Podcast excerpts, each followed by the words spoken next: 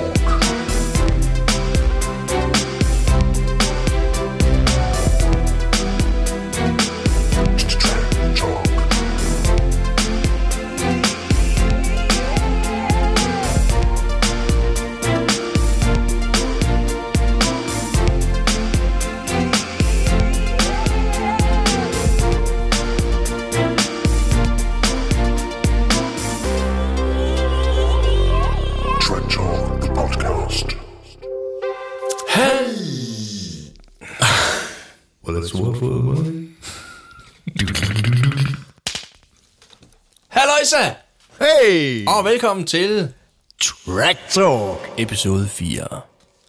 Tusind. Er det ikke 4? Vil du se? Jo, det tror jeg. Hold da kæft. ej, det er det da.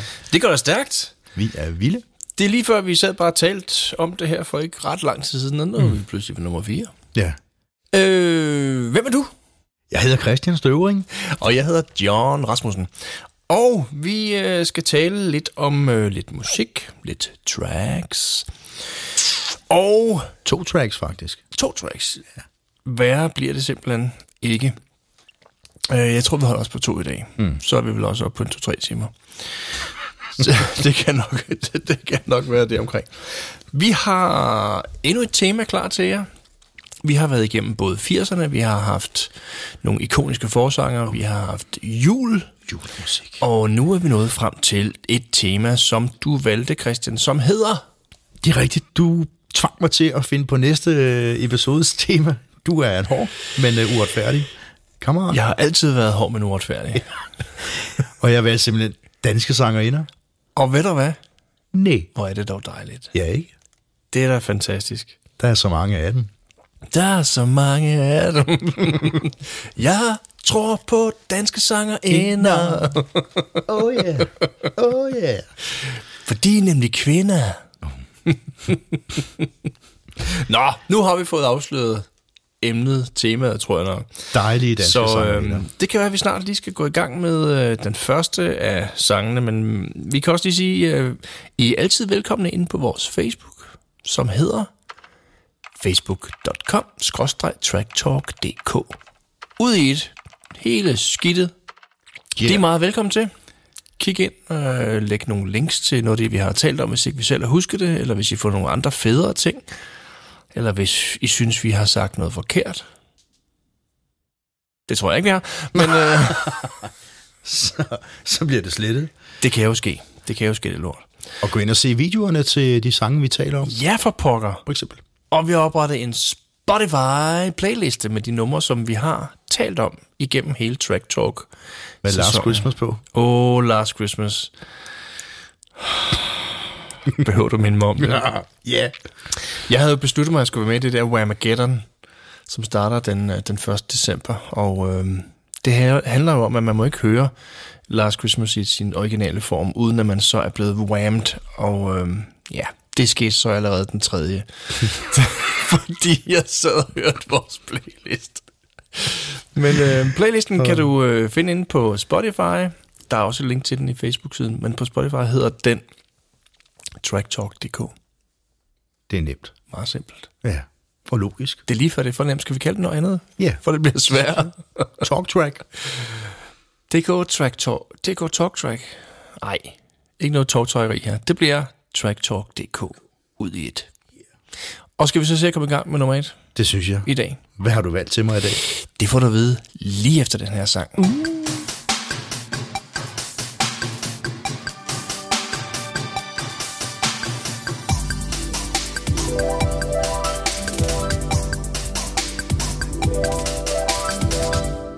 Nå, Christian. Ja. Christian, Christian, Christian. Øh, da du valgte temaet Danske Sangerinder, Ja. der valgte du jo sådan også lidt samtidig Sanne Salomonsen, nævnte du, Ja. da vi snakkede efterfølgende. Mm. Og ikke fordi jeg måske nødvendigvis havde valgt hende, øh, hvis det var, hun var ledet på markedet. Men øh, altså på oh, Track bare, Talk markedet. Nå. Øh, så kom jeg sgu alligevel øh, i gang med min hjerne, øh, og fik den lidt på overarbejde. Fordi jeg tænkte sådan straks, du ved, ja, så er der jo lige Sørensen og Anne mm. Og Anne Dorte Mikkelsen, og ah, det vil sgu også lige være for lidt i samme boldgade. Så er der Pelle Rosendal og Nabia og Mø. Mm. Men så endte jeg Ida Kåre. heldigvis på Oland. Okay, fedt. Øh, Det er jo en af de nye. Nyere. Ja, det kan man godt sige. Det, det finder du mere ud af mm. i løbet af denne her Track Talk. Det glæder jeg mig til. Oland, mm. Nana Øland Fabricius, som hun jo hedder i øh, den virkelige verden. Fedt. Øh, jeg valgte netop hende, fordi jeg kom i tanke om, hvor spændende og uddansk hendes karriere egentlig har været indtil nu. Mm. Øh, og så kom det svære af det. Hvad, hvilket øh, af hendes tracks skulle jeg så vælge? Ja. Fordi øh, altså, jeg har jo hørt nogle af hendes tracks førhen, så jeg tænkte, skal det være hendes vel nok største hit indtil nu, Son of a Gun. Øhm, Du, du, du, det, du. ja, det er den med øh, i hvert fald fed. det højeste, den højeste hitplacering. Mm. Men jeg valgte i stedet White Nights, og øh, det er hendes anden højst placerede hit. Øh, til gengæld har den også en lidt øh, anden og spændende historie, synes jeg. Ligesom øh, Nana selv. Fedt. Øh, hvis jeg sådan lige løs skal forsøge at fortælle, hvordan jeg ser Nana, så synes jeg, hun er sådan en øh, totalt charmerende original. Øh, det er nok øh, øh, den måde, jeg sådan lige med ganske få ord vil beskrive hende. Meget original. Helt, helt enig. Ja, altså en, øh, en ung pige, der bosatte sig i New York som ganske ung, allerede i 2010. Så det er otte år siden. Og der boede hun så ind til sidste år. Mm. Og et eller andet sted, så tænker jeg, at det, New York, det må egentlig være det perfekte sted for hende, fordi når man ser hendes trang til at, at, klæde sig lidt anderledes og optræde på sådan lidt alternative måder, sådan altid sådan eksperimenterende mm. og, og udfordrende, sådan, øh, udfordrer sine rammer og så.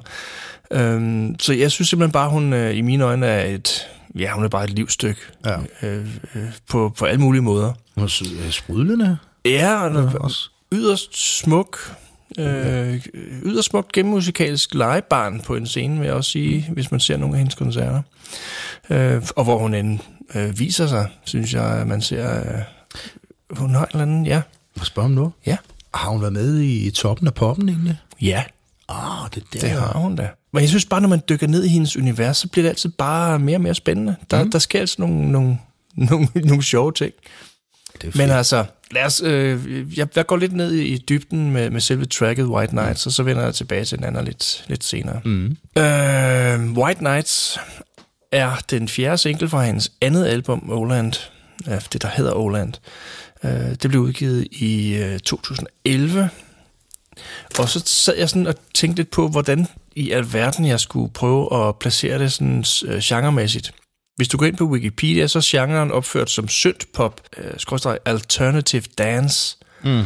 Øh, men på et tidspunkt øh, så jeg også på nettet, det blev beskrevet som en god gedin blanding af Motown, synthpop og Tropicalia.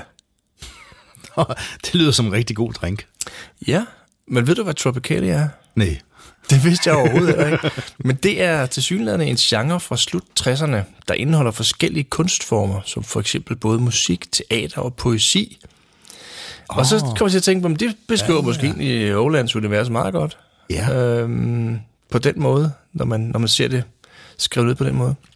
Hun er sådan lidt en efter, øh, musikalsk efterskoleelev. Men nu har jeg aldrig været på efterskole. Nej, det kan du bare Men se. det har du. Nummeret, det er... Øh, det er både 8. skæring på albumet Oland, men det udkom også i Tyskland i øh, året efter, altså i 12, som en øh, EP-udgivelse med øh, både originalen og så tre remix. Så, øh, og så lige med hensyn til toppen af poppen, som du mm. snakker om, der har sang Shaka Loveless øh, White Nights der i 2015, hvor hun var med. Åh, oh, det var dengang. Jeps. Det er Ja, ja, en fed programserie. Det er altså, super godt. Jeg æder den over. Me too. Og øh, Så der er vi allerede oppe på fire versioner, og fem plus den øh, med den der med Shaka Loveless. Mm. Og udover de der tre remix, originalen, og så det nummer med Shaka Loveless i toppen af poppen, mm. så er en del af nummeret blevet samlet i mindst to tracks, som jeg, så vidt jeg kunne finde på, på nettet. Øhm, nemlig uh, Dreams Up af rapperen Hoodie Allen. Hoodie, ikke øh, er han... Øh, nej, jeg skal nok lade spørge. Nej, det var i 2011. Og så mm. var der et nummer, der hed White Nights af en rapper, der hedder Henderson. Jeg kunne bare ikke finde dem nogen steder andet end på YouTube. Øh, Nå, okay. Så jeg ved ikke, om de er udgivet rigtigt, men øh, man, man kan i hvert fald godt høre, at det er en del af nummer, som ligger i, i baggrunden af, af rappen. Ja. Det er fandme også en sød sang. Altså, Ja, der, der, der er sådan, altså som, ja, der er noget optimistisk, mm. eller andet, jeg ved ikke lige, hvad skal jeg sige.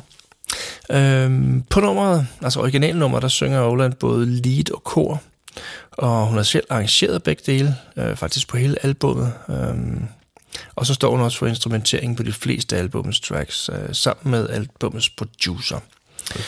Øhm, Mikkel Hess står for trommespillet på White Nights, og jeg har ikke rigtig fundet oplysninger om andre musikere, så jeg går ud fra, at det er en anden selv, øh, mm. og øh, eventuelt produceren, øh, hvis navn du får om lidt, Ja. som, som står bag ved det. hvad hedder han?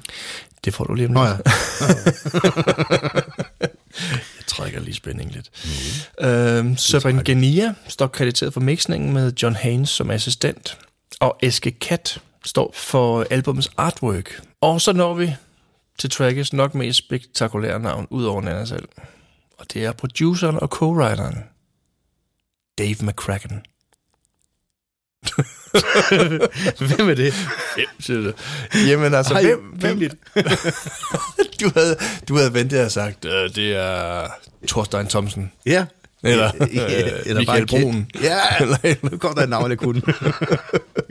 Eller Paul Glargaard. Eller et eller andet. Ben Fabricius. Ja.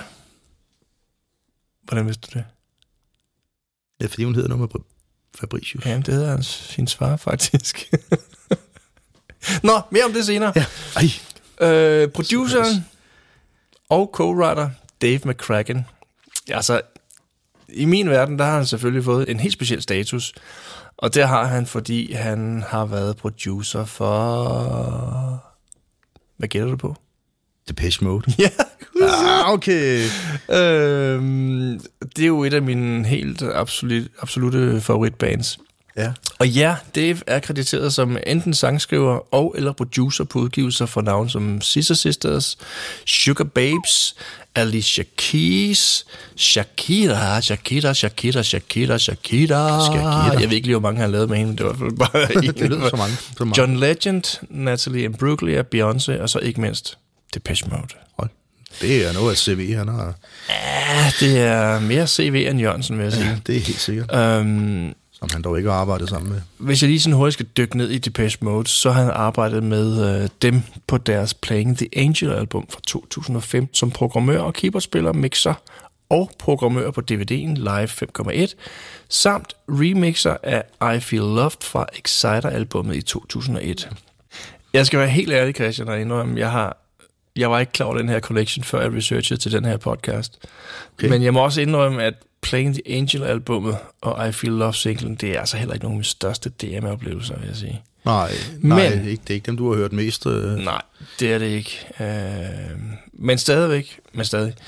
Så, øh, så havde jeg ikke set den connection mellem Oland og øh, en Depeche Mode producer. Nej. Øh, men sejt. Thumbs Ja, up. ja, for fanden. jeg synes, det er i orden. Og det er jo ikke, fordi det, det, øh, det er osangt væk af Depeche Mode-lyd, men, men det gør Natalie Imbruglia jo, jo egentlig heller ikke. Nej, Så, så. jeg synes, det er en god, øh, god blanding ja. af forskellige øh, øh, kunstnere, han har haft gang i. Ja, for søren. Meget alsidig. Men jeg, blev, jeg, jeg kiggede af noget. Mm. Det er ligesom, hvad? Der var ham. Øhm, altså, der, fedt. der, er nogle, der er nogle enkelte producer, som man sådan umiddelbart sætter i forbindelse med Depeche Mode, noget Floyd og nogle forskellige, men, mm. men øhm, ham her havde jeg ikke lige faldet over tidligere. Det er rimelig sejt, synes jeg. Totalt. Men øh, der er også andre seje ting forbundet med White Nights nummeret. Så det er, det er en guldgruppe, jeg Fedt. har fået boret ned i, Det er et godt nummer, du har valgt der. Ah, hvor lækkert. Jeg synes, der er, der er ret mange gode ting. Fedt. Fordi i 2011, hvor den også blev udgivet, der blev dele af nummeret spillet i et afsnit af MTV's tegneserie om Beavis og Butthead. Øh, det afsnit, der hedder The Rat. og man kan selvfølgelig kun gætte på deres intetsigende reaktion på nummeret, men må ikke det var noget i retning af... It sucks. ja, ja, ja, ja, ja, sucks.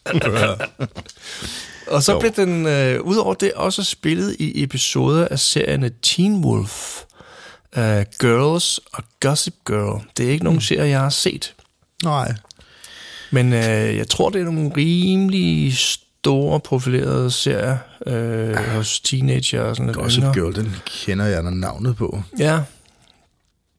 Så, øh, så den kom øh, rimelig bredt ud øh, blandt teenager og mm. unge mennesker øh, på det tidspunkt. Og så var den også med i et stort britisk comedy show med Adam Buxton, ham kender jeg heller ikke. Mm. Øh, og en stor tv-reklame for et firma, der hedder Littlewood. Littlewood? Mm. Øh, og det var det er så i dag et af de største tv-shop-firmaer i Storbritannien. Okay. Øhm, så man kan sige, at nummeret det kom virkelig langt ud og eksponeret i stor stil. Så, øh, så der fik de fat i en masse lyttere, som kunne være med til at profilere både nummeret og Nana selv som kunstner også. Ikke? Øhm, Jeg tænker bare på, hvordan, hvordan, hvordan kommer det til at ske? Altså, hvordan, hvordan, hvordan kommer det num- nummer så, så bredt ud? Altså, det er jo helt vildt. jamen, jeg tror simpelthen bare, det er, det er tilfældet af godt management. Mm. Øh, Og så er det jo det, altså, det er et, et, glad, et glad nummer. Ja, jamen, det, altså man kan sige, du kan jo godt, altså hvis du tænker på, på introen af den, mm. øh, du, du, altså den der, den der lette, mm. før hun begynder at, at synge første vers, det er jo sådan et, et, et, et, et stykke, man godt kan køre rundt i ring, ikke? Altså, øhm, sådan et, et, et, et glad tema, som, ja. som bare godt kan, God, giver god stemning. kan ligge i, under, ikke? Mm. Så øhm, ja, yeah. men man kan sige, hun er ret populær i det meste af verden, mm. øh, og ikke mindst i, i forbindelse med hendes umiddelbare møde, imødekommenhed, øh, også når hun bliver interviewet og sådan noget. Mm. Øh, det, det virker som om, at hun, hun siger sgu ikke nej sådan, til at blive interviewet. Og, Nej. og, og de, det lyder som om, de kan spørge om stort set hvad som helst. Altså, hun er, virker som en meget ærlig person. Ja. Der, Hun har ikke kørt træt af, træt i gamet endnu, måske. Nej, det, det, det ved jeg selvfølgelig ikke. Altså, jeg ved ikke, hvor meget hun sidder og gemmer, så det, kan jeg jo ikke vide. Nej. men, men det virker som om, at hun er en, en meget åben mm. øh, person. I nogle af de andre podcasts, vi har lavet, der har vi haft sådan teksten op. Ja. Og vinden også. Ja. Øhm, og jeg har lyttet og kigget en del på teksten her, for at finde essensen i historien, og jeg, jeg synes, den har, den har været lidt tricky at komme i bund med. Ja. Fordi så synes jeg på den ene side, at den har sådan et, øh, noget flashback til noget barndom, øh, hvor jeg forestiller mig, at, at man som barn tænkte, at drømmene var placeret under puden, når man skulle til at sove. Ikke? Mm. Altså, these dreams under my pillow. Ikke? Det, ja. Ja. det er sådan meget... Øh, man sige, når man læser noget, jamen, så ligger drømmene selvfølgelig under puden, så får man dem ind i hovedet. Og Øhm. monsteret under sengen. Det, der, var, der var aldrig noget monster under min seng. Jeg ved ikke, om det, om det var en speciel seng, jeg havde fået Har du havde vandseng, ikke? fået fat i. det var et vandmonster. Men, øh, og så tænkte jeg med noget andet af, af teksten, der er noget med, hvor solen lige er gået ned, og det stadig var sådan lidt lyst og sådan Mm. Øhm, jeg synes, Oland på det her nummer, og faktisk også på flere andre, for eksempel We Turn It Up, hun har sådan lidt, lidt øh, barnlig uskyld over sig. Mm. Øhm, og jeg ved ikke, om det er derfor, at hendes musik måske har en evne til også at henvende sig til børn og barnlige sjæle. Og måske også, at de kommer med i de der teenage-serier og sådan noget. Det har måske Nå. også noget med hele dines udtryk at gøre. Det tror jeg. Det tror jeg. Den kommer nok ikke lige med i, i den sørgeligste kærlighedshistorie, eller ah. Tim Burton-univers. Eller Det gyserunivers. er, altså det ved man jo ikke, fordi Nej. jeg synes jo lidt, at øh, når man ser videoen til den her, som jeg kommer ind på lidt senere, så mm. ligesom der udfolder sig sådan en slags eventyr. Mm. Måske noget Alice i eventyrland. Ja, så er det St. Johnny Depp.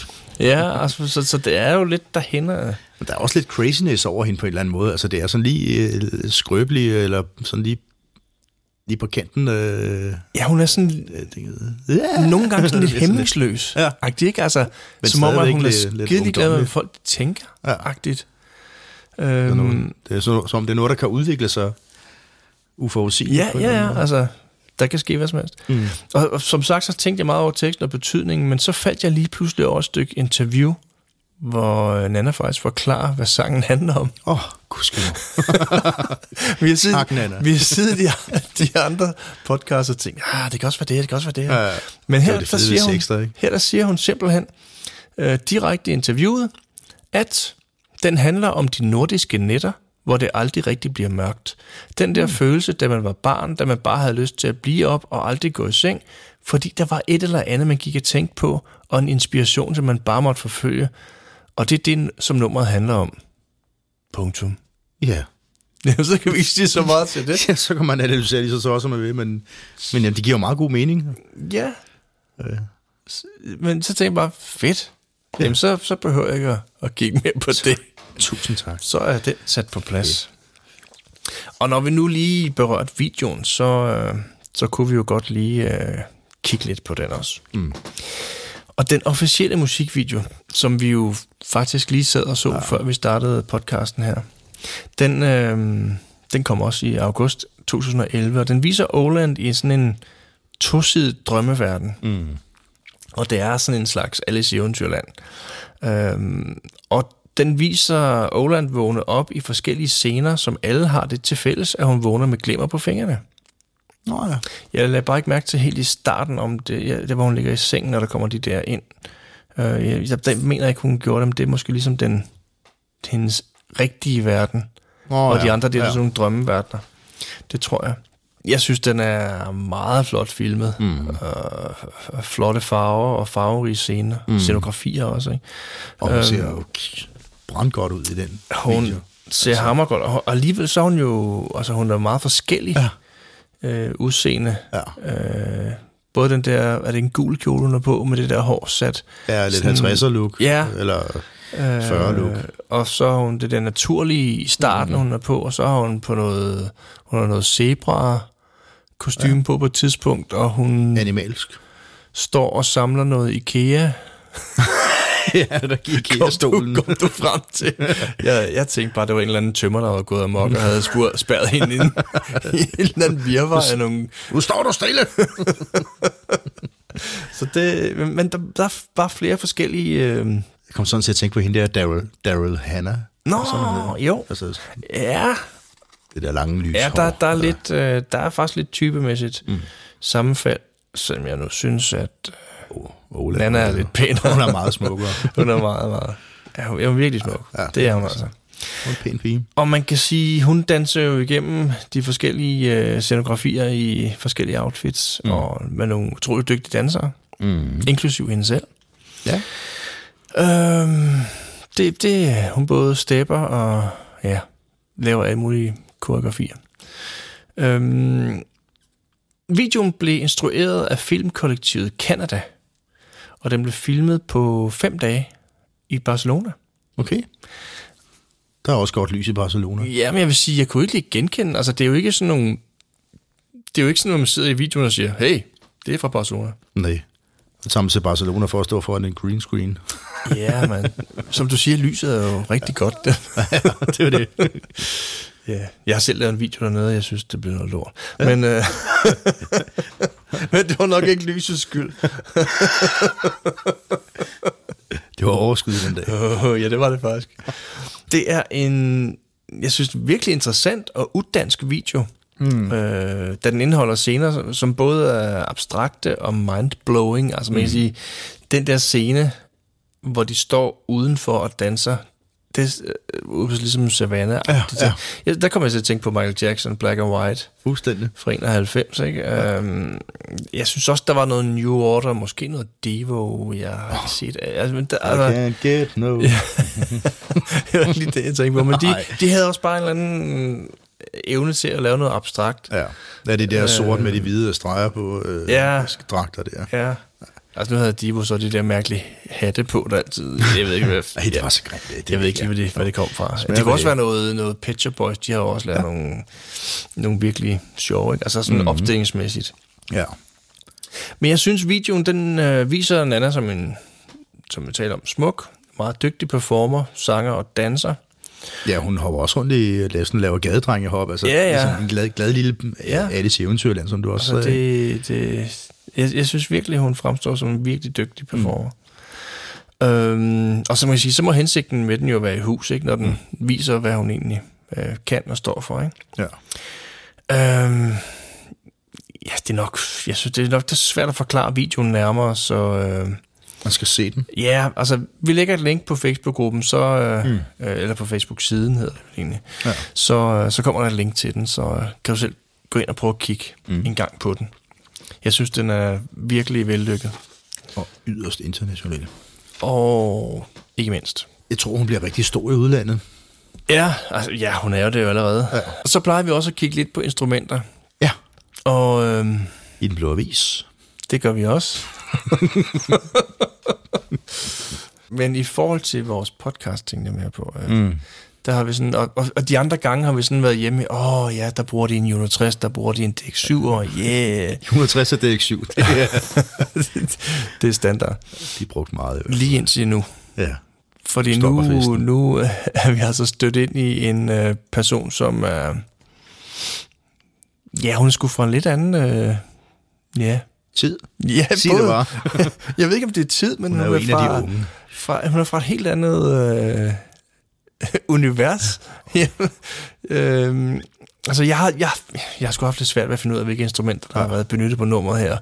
Men altså, det kunne lytte mig frem til, det er nogle trommer, noget keyboard, noget sampler. Øh, og jeg har sågar haft skrevet til Nana selv, Er det rigtigt? for at høre, om hun kunne hjælpe mig på vej. Men jeg ved, hun er i gang med at indspille noget nyt, og øh, hun er virkelig travlt. Ja. Øh, så ja, hun har ikke svaret mig. Øh, det kan være, det kommer om en måned. så, så er det sådan set lige meget. Godt, du fik skrevet til den forkerte Nana. Jamen, det ved man aldrig, om jeg har. Booster.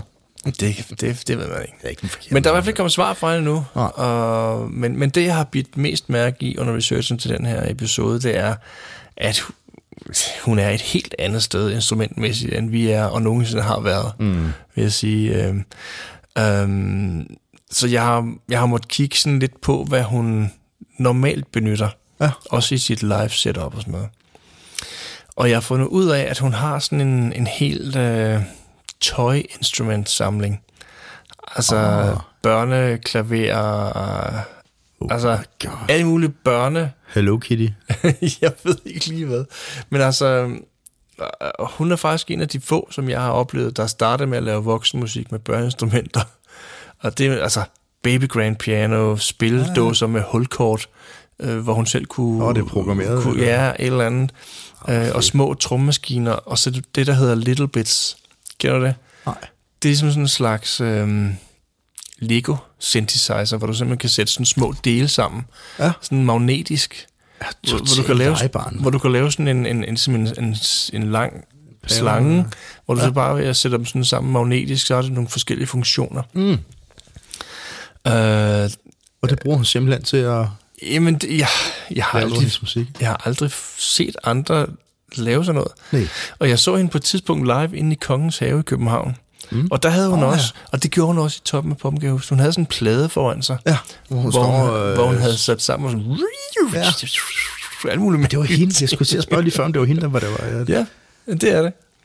Sådan lidt sådan lidt DJ-agtigt. Ja, Øh, ja, men, men, ja, men bare sådan nogle sjove lyde, og øh, så havde hun, hun har nogle rytmebokser og så nogle, nogle trommemaskiner, hun har fået sat til, hun, ja. og sat i synk. Og noget effekt. Det kunne de ikke i starten, så hun har f- fået nogen til at lave et eller andet, så de, så de kører sammen. Ja. Øhm, Hun er jo unik, altså. Den Fuldstændig.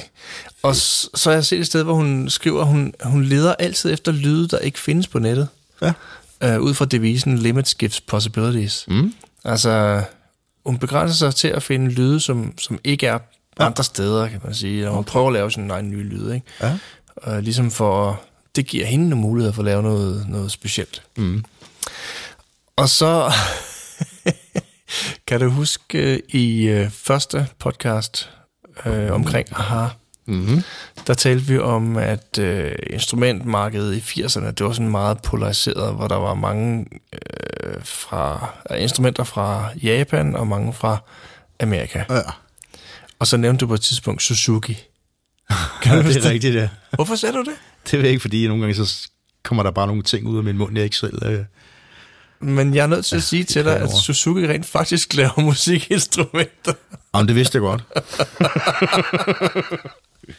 Hold nu kæft, hvor jeg glodede, da jeg sad og kiggede på det. Hun bruger nemlig noget, der hedder Omnicord. Ja, Kender du den? ja. Jeg kender navnet, jeg, jeg, jeg, jeg kan ikke engang huske, hvad den er. Øh, Jamen, det, det det, det er... Det er sådan et elektronisk musikinstrument. det, det er et gammelt instrument. Ja, men det blev introduceret i 1981 Nå, af Suzuki Musical Instrument Corporation. Suzuki Alto. Uh, de uh, laver faktisk uh, musikinstrumenter, altså alt lige fra blokfløjter til flyler og hammondorgler. Suzuki Orler. Nej, der står faktisk, når du går ind på deres hjemmeside, der står Hammond Okay. som sådan en link. Nå, de laver så deres. Så jeg, jeg, de, de må nej, jeg tror, de ejer simpelthen Hammond øh, Det kan da godt være. brandet. Spændende. Nej, det kommer jeg til at undersøge. Ja, det tror jeg lige, må gøre. Suki Suki. Jeps. Men den øh, Omnicord der, altså den måde, den er opbygget på, det er, at den har ligesom sådan en, en slagplade. Du ved, ligesom man spiller på en guitar, så, så sætter du fingeren ned og sådan en plade. Nå ja, ja. Og så er der alle, øh, hvad hedder det, altså C, D, E mm. og så videre, ikke? Alle, hele vejen derhen er. Ja. Plus, der er nogle knapper til både dur, mol og syv akkorder. Ja, du kan også øh, lave noget glissant, altså noget brain. Ja, men det er jo det, du gør med og- fingeren på ja. den der slagplade der. Så du holder for eksempel C-dur nede, og så, dring, så Ja. spiller den en C-dur, og så holder D-mol-knappen, dring, så spiller du den. Hvad har den? Øh, noget med 18 strenge? Ja, den findes måske i forskellige udførelser, men... Øh, Nå, men det er, det er ikke strenge. Det er, det er sådan en, en metalplade, ser det ud til, med sådan nogle streger i. Nå, Så ligesom, omkort. det, det er et eller andet... Øh, altså, jeg, jeg ved også, at, at der er flere, øh, der har brugt den. Øh, Anna Falk blandt andet. Ja. Øhm, og jamen, jeg har ikke kendt så meget til den, fordi jeg, jeg, jeg, jeg ved det ikke. Eller det ved jeg faktisk godt, fordi det kan jeg fortælle lige, men der er faktisk mange, der har brugt den. Okay. Øhm, blandt andet, altså nogle af de lidt mere kendte brugere, det er David Bowie, det er Brian Eno, Eurythmics, der står opført som har brugt den, John Mayer, Joni Mitchell, Nick Rhodes fra Duran, Okay. øh, Mick Fleetwood Ja. fra Fleetwood Mac. Ah, Så der er, der er jo en del, som, øh, som har brugt det. Men altså det er simpelthen, du holder de der knapper nede, og så skubber du sådan ligesom den der berøringsplade med en finger, eller guitarplekter kan du faktisk også bruge. okay. Ej, hvor spændende. Øhm, ja, det er sådan lidt, lidt unik klang, og sådan lidt kitschet Ja. objekt, synes jeg måske. Ja. Og nogle af dem har også forudstillet rytmer med tempokontrol, så du ligesom, ja, sådan et lille ind. ovl-agtigt, ja. ikke? Mm. Og der, er faktisk, du, der findes også nogle med MIDI indbygget. Øh, Jeg ved ikke lige, hvordan det... Åh, oh, mange øh, informationer. Ja, og der kan også være nogle knapper til øh, vibrator, sustain og akkordhukommelse. Ja.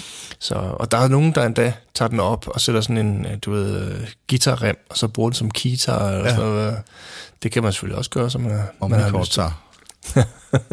jeg tror, vi lægger... Vi, vi, vi, vi kommer... Vi, ja, vi bliver nødt til at finde et, øh, et klip, øh, klip, øh, YouTube-klip med en omnikort og lægge op. Jamen det gør du bare. Ja, du det- går bare amok. Det er ja, ja, også bare med en enkelt, tror jeg.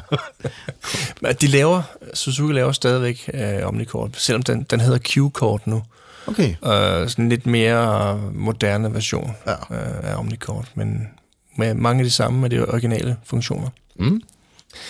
Yes, Fedt. Det var spændende at høre. ja. Og, øh, men det bliver lige så spændende når, med den næste. Nej. Og det, øh, jeg, jeg tjekkede op på det, og den eneste grund til, at jeg ved, hun har haft brugt den her, det er, at jeg har set hendes søn sidde og lege med det her instrument. Det er noget, der hedder OP1. OP-1. Det er fra noget, der hedder Teenage Engineering. Øhm, det er sådan en, en... Kan du huske det der øh, Casio. Øh, som man havde i, i 80'erne? Ja. Det er Susanne Himmelblå. Ja, sådan et- et lille ding, ja. Øhm, og man kan sige, altså med rytmeboks, men, men, men den her OP1, det er sådan en, en lidt mere super cool minisynt. Mm. Øh, en svensk Øh, det der Teenage Engineering, det er sådan et svensk firma. Nå, okay. Øhm, men det er sådan en, en fysisk lille størrelse, som den der, øh, den gamle Casio. Mm. Men øh, i den, der får du hele syv forskellige synthesizer. Øh, altså nogle engines, altså både, øh, altså alle mulige forskellige, altså syv, Så komplette. ja. Altså, der kan måske være en FM-synt, og der kan være ja, ja. Altså noget andet, ikke? Øh, plus, at der er indbygget FM-radio, og der er indbygget øh, GeForce, gyroskop-kontrol og meget mere. Øh, maskinen er bygget op omkring øh, den indbyggede tape-feature, som er en firespors optager med mulighed for overdubbing, reverse mm. recording og variabel hastighed. Slap. Oven det, der er en trommesampler, der er tre sequencer med både noget, der hedder pattern, endless og tombola. Der er mixer, der er equalizer, og der er fem effekter indbygget.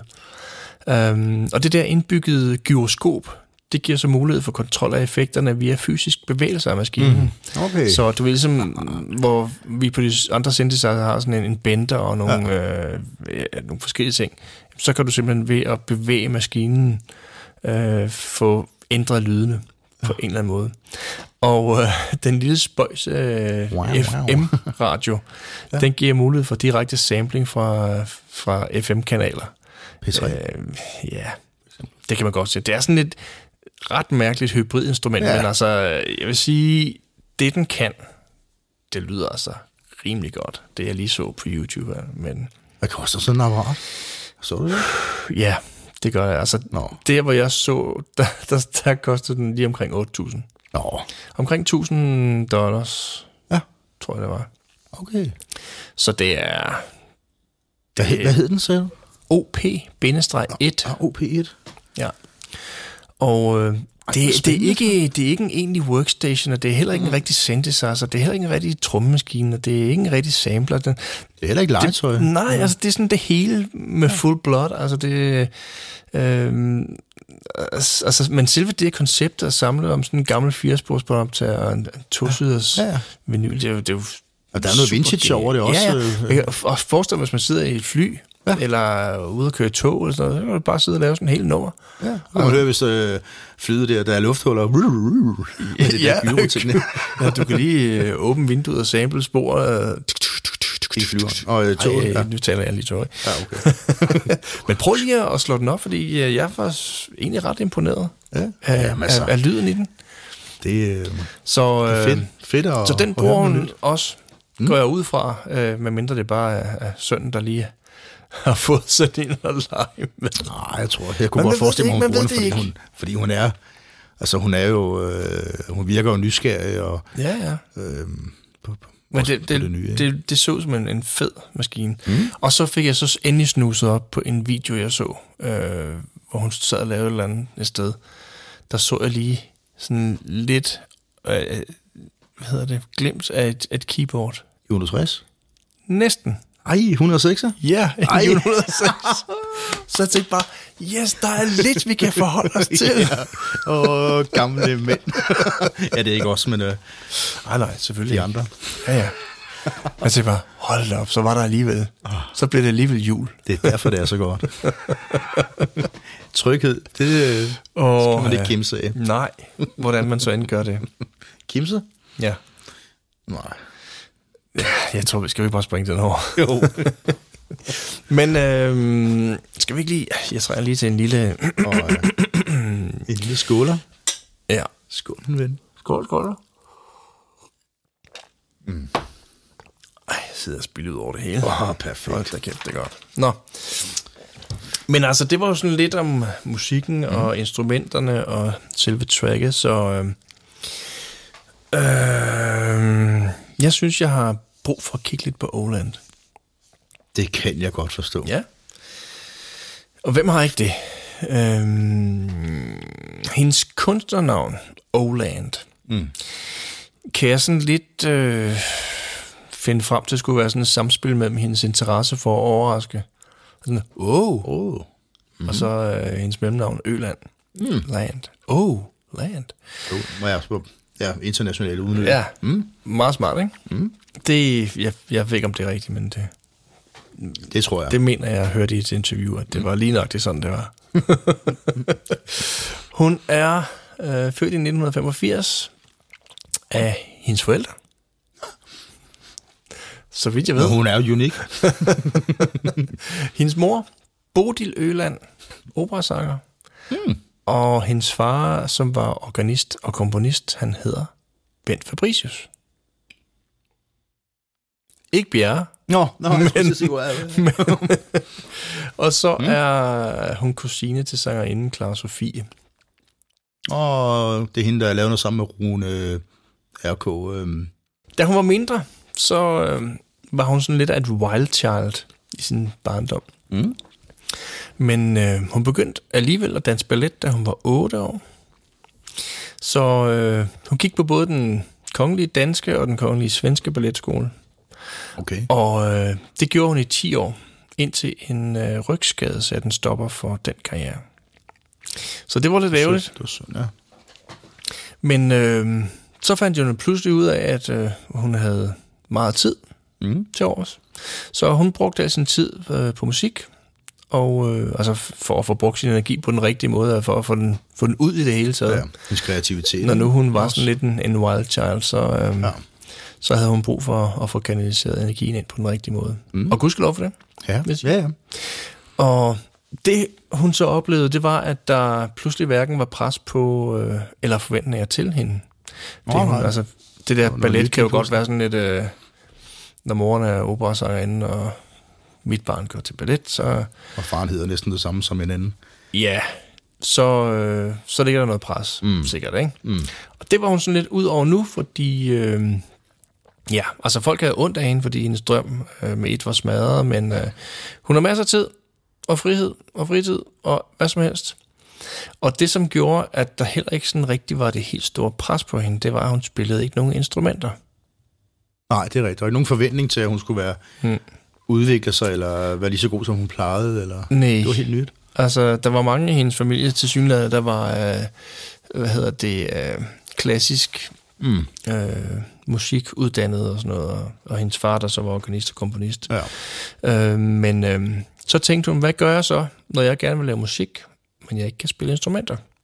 Så begyndte hun at optage og sample alle mulige lyde fra sin lejlighed, som hun kunne finde altså hun spillede på syltøjsglas og lå kuglepinden falde til jorden og optog det, og, og så tænkte hun, nej, jeg må nok hellere lære det klaver og sådan noget, og så fik hun så lidt mere styr på det der musik. Um, og det, det, det lykkedes meget godt. Og øh, mange af hendes sange, de lyder sådan lyse, som vi talte om mm. før, men, og, og sådan en glad stemning, hvis man Ja. bare sådan hører dem. Men hvis man lytter nærmere til teksterne, så, så er det ofte sådan lidt dybere og mørkere i stemningen. Ja. Altså mange af dem, nu har vi kun lige talt om et par stykker, som, som jo nok også er sådan lidt den, den lyse del, ikke? Mm.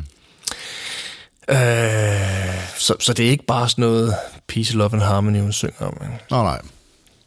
Hun har sådan nærmest en OCD omkring livet og sin musik, så hun har udtalt, at hun er ofte sådan splittet mellem følelsen af friheden på den ene side, øh, og så på den anden side øh, reglerne og perfektionen, som hun så mm. måske også har tillært omkring balletten. Ikke? Ja. Øhm, og hun vil meget gerne please og gøre alle glade. Og, så, så, så det kan godt være sådan en...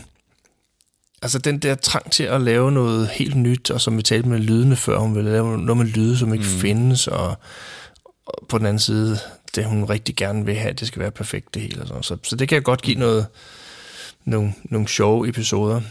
Det må også være svært at lave noget, der er øh, perfekt, men noget helt nyt. Altså en, nogle helt nye lyde. Altså, fordi hvis, Ja, hvad er perfekt? ja, for hvis man ikke rigtig har hørt det før, så, så kender man ikke rigtig facit. Nej. Men det er også, at hun er sådan en, en person, hun siger, hun synger altid ind i sit hoved. Mm. Øh, og alt omkring hende bliver sådan til rytmer. Ja. Selv hvis hun, hun forklarer på et tidspunkt, hvad, hvis hun kører i en bil, Mm. og så gadelygterne sådan om, om aftenen, Ja. ja. de, de giver jo sådan en rytme. Øh, Og så det bliver sådan ligesom et, et, et, et trommespor inde i hendes hoved, mm. ikke, når hun så kører bil. Altså jeg tænker bare, hun stadigvæk har øjnene med sig i trafikken, så går det jo nok. hvorfor kører du så stærkt? Jamen, det passer lige til... det skal lige op i 120. så, Ja, det, så tror jeg, det, det kender du også. Øh, Jeg kender det godt i hvert fald, det Ja. der, øh, man, man kan have det. Ja. Så sådan, Sådan er hun bare. Ja. Men, øhm, og så har hun udtalt, at hun øh, elsker at skrive musik, mens hun bevæger sig rundt i New York Subway. Oh. Så der har hun skrevet en del af sin musik nede. Okay. Og der kan man også se, hvis hun kører med, øh, med Subway, der, der er der sikkert også en masse ting, de kører forbi, som laver en, en, Ja, ja, en eller anden ja, ja. rytme øh, i sådan en tog og sådan noget, ikke? og lys. Og, Både visuelt og, og, og lydmæssigt. ja, ja, og, også øh, og man kan lydmæssigt. føle det, ikke? Ja. Så, men hun har også skrevet musik, øh, mens hun var i Danmark, og så også Portugal, som hun er ret vild med. Øh, som tidligere nævnt, så øh, flyttede Nana til øh, New York, øh, og så blev hun gift med sin nuværende eksmand, Eske Kat. Øhm, og efter de blev skilt, så er hun flyttet til, til Nørrebro med deres fælles søn, Svend. Mm-hmm. Og øh, as we speak her i 2018, så er han knap tre år. Ja. Øhm, men han, øh, altså jeg så det der klip, hvor han sidder med den der OP1, Ja. hvad den hed. Øhm, og han er allerede sådan temmelig musikalsk, ser det ud til. Og som, som Nana har sagt, der er totalt meget gang i ham, og han er meget livlig og utrolig musikalsk. Ja. Men øh, det burde jo heller ikke komme så var meget bag på, på folk, når, Nej. når familien er klassiske musikere. Ja, Og så har hun de er alle også, sammen involveret, eller... ja, og så har hun udtalt, at øh, han kan huske tonarter på forskellige sange. Okay. Det, øh, og så nægter han at synge visse sange, hvis man spiller med en forkert tonart. Det er altså en gut på knap tre år, ikke? Åh, mor. Lille, nej! Lille, Spiller nej! forkert, mor. Lille Peter. det, er, det, er, det er lidt vildt. Ja. Øh, og apropos Svend, så talte vi om, at hendes udtryk sådan, øh, ofte virker sådan uskyldigt og rent. Mm. Øh, og ikke mindst på grund af de der børneinstrumenter. Og jeg synes bare, at det hele taget, hun virker til at være super god til børn. Altså, øh, hun har også været igennem flere sæsoner dommer i både X-Factor og Voice Junior. Ja. Så, øh, altså, og, og diverse øh, optrædener, hvor der medvirker børn. Altså, så du det der Kronprins Frederiks 50 års fødselsdagsshow? Nej. Der, øh, der sang hun også øh, to sange i selskab med en hårde af børn på scenen. Åh. Så det, øh. Men, øh, men dejligt. hun har et eller andet børnetjekke, ja. tror jeg bare. Øh, jeg, jeg ved ikke, hvordan jeg skal forklare den nærmere end en, sådan en, en barnlig uskyld, Mm. hun har. Øh, jeg ved ikke, hvad jeg skal sammenligne det med. Øh, altså lidt ligesom sådan en Disney-prinsesse. Ja. Ja, Et eller andet. jeg er med på, jeg, eller, jeg, eller, jeg kan godt se det for mig. Øh, jeg, jeg, ved, ikke- jeg, jeg, jeg ved ikke lige, hvad jeg skal hænge det op på, hvordan jeg skal sige det, men det er bare sådan en, den stemning, jeg oplever i hendes musik. Olands øh, musikalske historie er, hvis vi tager sådan en hurtig gennemgang, at hun fik udgivet sit debutalbum, øh, som hed Fauna, mm. i november 2008. Og det gjorde hun på noget, der hed Kasper Bjørkes Fake Diamond Records. Mm. Hendes første single var nummeret Audition Day, som blev P3's uundgåelige. Så det var en meget fin start. Ja, bestemt. Albummet blev produceret i samarbejde med en række danske elektronikaproducere, som for eksempel Thomas Knack, øh, som har arbejdet med både Bjørk og... Mm. Så har hun også arbejdet sammen med en, der hed Peder. Peder Peder? med det. Var DJ, og så var han den ene halvdel af Gramse Spektrum. Gramse Spektrum. Jeps. Og det bliver hvad nu? Ej. Den næste hedder Ormen. Au. Jeg ved ikke, om det er, fordi han kunne et eller andet breakdance eller noget. Han har været med i... Det er en af gutterne, der er med i det, der hedder Balstyrko. Ja. Kender du det? Ja. Sammen med Blaze Boogie og Anne Troll. Mm. Og så Kasper Bjørke, som så ejede øh, det der Fake Diamonds Records. Ja. Han var blandt andet en af dem, der var med i Filur. Okay. Så kan jeg sådan lidt, lidt dance. Jeg tror, det var en... Var det en duo, trio? Ja. Det var i hvert fald to. Ja, og så en sangerinde, tror jeg. Mm. Ja. Og, øh, men det meste af albummet, det, det første af dem, er dog produceret og skrevet af Oland selv. Og så har hun programmeret beats, og hun har selv spillet alle instrumenterne og indsunget alle vokalerne. Så det var det, hun havde lyst til. I en alder af 23. Ja, yeah, lige omkring. Det er meget godt klaret. Så ja, det er sejt. Jeg er dybt imponeret. Øh, og grunden til, at hun øh, har kaldt det fauna, det er, fordi det er opkaldt efter hendes tipoldefars faglitterære værk, der hed Fauna Grønlandica. Oh, ja. Har du læst det? Hvem husker ikke den? Men i forbindelse med, med albummet, så blev hun øh, nomineret til prisen P3-talentet ved P3 Guld. Ja. Og som årets nye danske navn ved Danish Music Awards i 2009. Okay. Så begyndte der at komme fart i hele skitteraset, fordi mm. i maj 2009 skrev hun kontrakt med det amerikanske pladeselskab Epic Records. Det er en del af Sony. Mm. Og jamen, der var en, øh, en repræsentant for Epic Records, der så hende ved en koncert i Danmark. Og så arrangerede hun selv lige en miniturné i USA, hvor de så igen så hende. Selvfølgelig. Og så tilbød de hende så en kontrakt. Og i første omgang, så blev det til en EP, uh, Oland hed den, med blandt andet Son of a Gun. Uh, og den blev så også B3's uomgåelige på det tidspunkt. Så de har været gode ved hende mm. også. Eller hun har været god ved dem. Ja, hun, er, hun er jo god. Jo. Og for at det skal være løgn, så i, på et tidspunkt i 2011, så optrådte Oland så også med Son of a Gun i det amerikanske talkshow Late Show with David Letterman. Uh, Eksponering, eksponering, eksponering. Ja. Jamen altså, det virker. Og så udgav hun så sit selvbetitlede album, øh, andet album her i Danmark i 2011, ikke? Mm. det der hedder Oland. Ja. Og det fungerer så samtidig som hendes internationale debutalbum og blev udgivet i USA i samme år. Og øh, mens hun lavede albumet Oland, der arbejder hun også sammen med nogle forskellige producer og blandt andet Pharrell Williams Kender ham ikke. fra producerteamet The Neptunes. Yes. Men sangen kom ikke med på albumet. altså netop den, hun skrev med ham. Nej. Ved du, du ved godt, hvem han er, Pharrell jo, Williams? for Sandra. Det er... øh, Det med Because. I'm happy. Ja. Di, di, di, di. Men han har, han har lavet, lavet meget andet end det. Han har lavet uh, kæmpe hits for Mariah Carey, Britney Spears, Janet Jackson, Snoop Dogg, Gwen Stefani, Nelly, Justin Timberlake, Buster Rhymes, Mythical, Jay-Z, NSYNC. Uh, jamen, han er bare en meget dygtig producer, der både spiller trommer, spiller keyboard og spiller guitar. Og I spiller selv. Og som så ikke fik et nummer med på Olands nummer to plade. Nej, nej, men øh, så må han jo op så lidt. Jeps. Hun strøg direkte ind på nummer 180, 84 mm.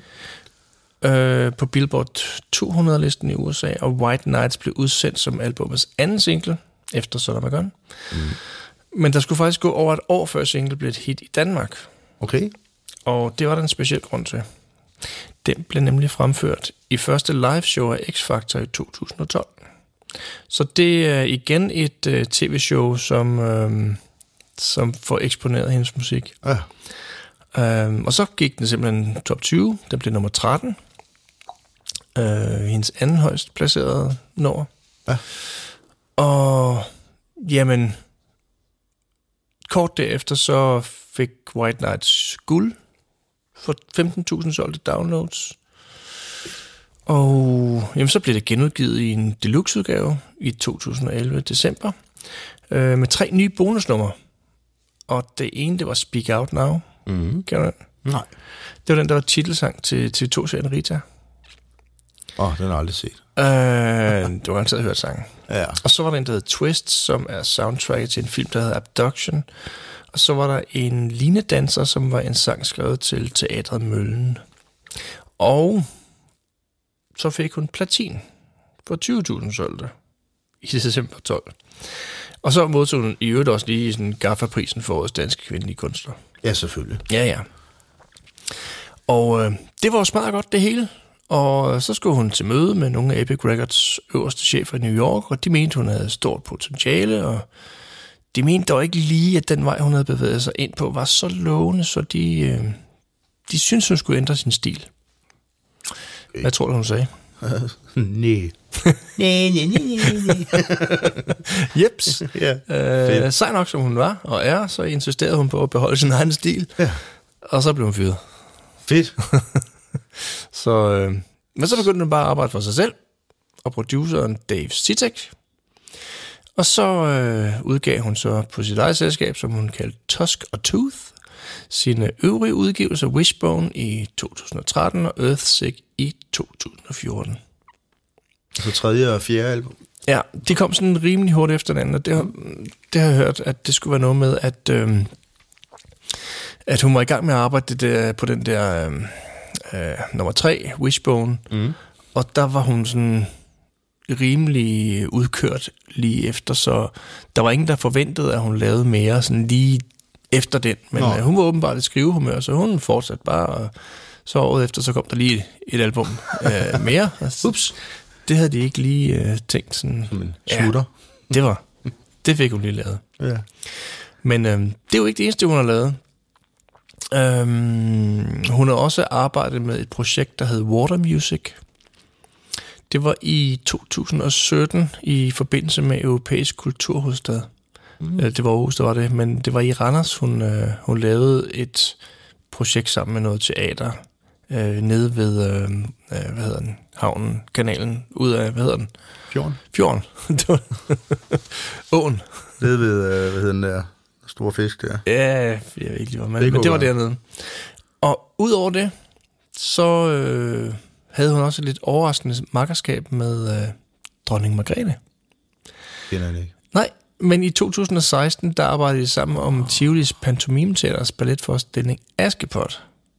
Askepot. Ja, hvad var det? øh, Dronningen, Margrethe, ja, hun lavede kostymer ja. og scenografi, og så skulle Åland så komponere musik til Brødrene Grimms eventyr om Askepot. Laver hun ikke også, er der ikke også noget med koreografien at gøre, eller er det, øh, er det bare musikken? Er det bare, Ja, det, det kan jeg ikke lige se. Altså, man kan sige, hun er jo balletdanser, så hun har jo sikkert ja, hun har jo nok noget, hun har en noget speciel, om det. en Jo. speciel indsigt mm. omkring det, ikke? Mm.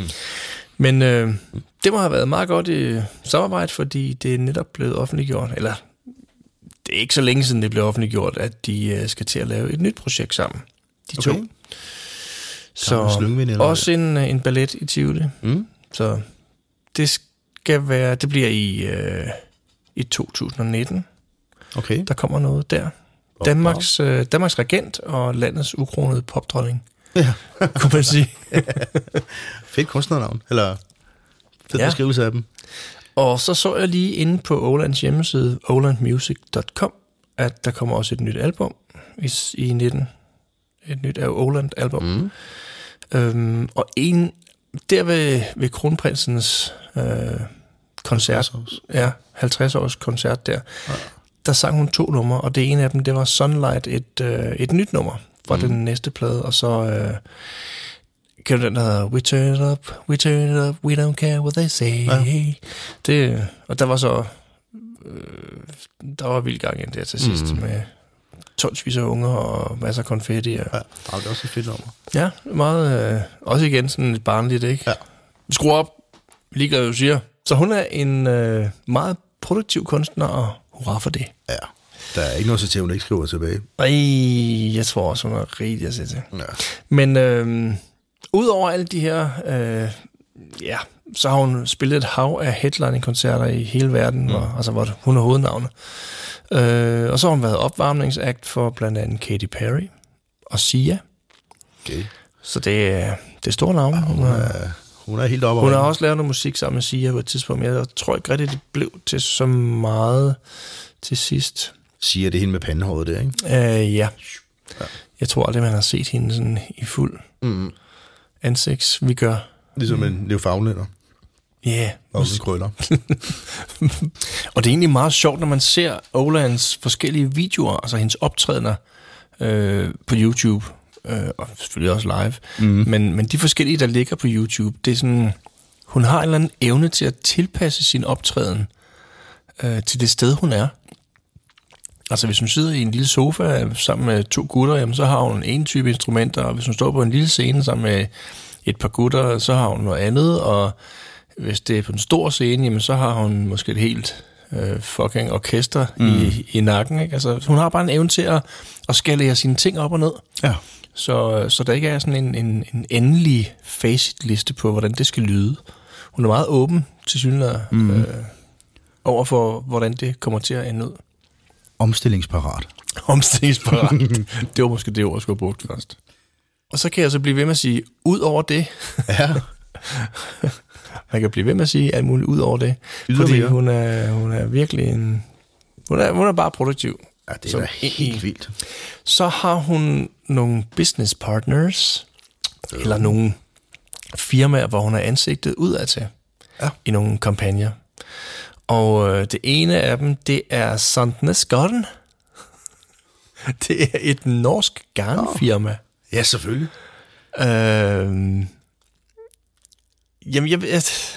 Altså, du har ikke set nogle reklamer, hvor hun sidder og siger noget med, at alle kan strikke, og det er sådan... Jeg plejer at være rigtig god til at slå væk, når der kommer reklamer, og så er jeg faldet i søvn.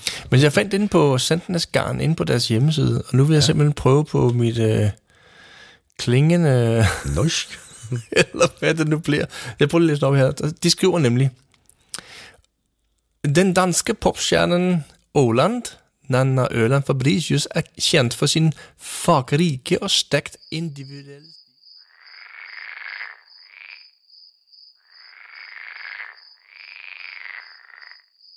til det alt for lette og tilgængelige masseproducerte. Åland udtaler selv at kunne lave to trøjer til mig og Svend, for eksempel som ingen andre i verden har, det føles helt særligt. Men det lyder fuldstændig rigtigt. Også på norsk. Øh, ja. Som designer af kollektionen har Nana også personligt valgt ut garntyper, samt pantonfärgerne for garnet. Dermed er kollektionen tværs igennem et udtryk for hendes stil og personlige præferencer. Det kan, det kan være, det bliver skåret ud, det her. Det. Ej, for fanden. Jeg er bare glad for, at det ikke er hollandsk. hollandsk garn.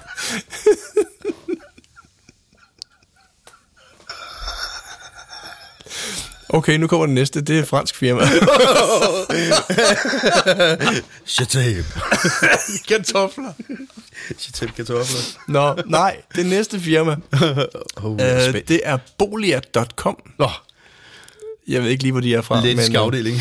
øh, men øh, det er en... Øh, det, det, er, det er en kollektion, der hedder Blurring the Lines, øh, hvor bolia.com skriver, Just like our new collection, Oland is also an icon, and together we've created this photo series, which mixes Bolia's 2009... 2000... Det gik bedre på norsk. Norsk penis. which mixes Bolia's 2019 universe with the many different faces of this multi-talented singer. Mm. Og så tænker man, så det må være nogle fine samarbejder, men der er flere. Ej, nu stopper det. DBO. Oh. Oh, B.O. Bioland. Hvor de skriver, Oland has been invited to create new and unique music experience with ambisonic sound in B&O Play headphones. And in addition to an exceptional VR experience, the video features Oland performing a brand new song that has not been released yet. Og det er så den, der hedder Sunlight. Ja. Som, øhm. Så tror jeg simpelthen, øh, at jeg stopper for, for nu. Jeg havde håbet lidt på, at hun også havde et samarbejde med, øh, med Roland. Øh, synthesizer. Ni hao. Nej, det er kinesisk. Han vil bare være lidt med Oland og Roland. Men altså, det, der, det kommer vel rimelig godt rundt om, Ja, det, om, øh, det, der er, om den sang. Ja, hvad for en sang? altså, man er jo sindssyg. Hun er jo... Øh, ja, hvad tænker jeg? Oland? Ja, det havde jeg slet ikke forestillet mig. Øh, Nej.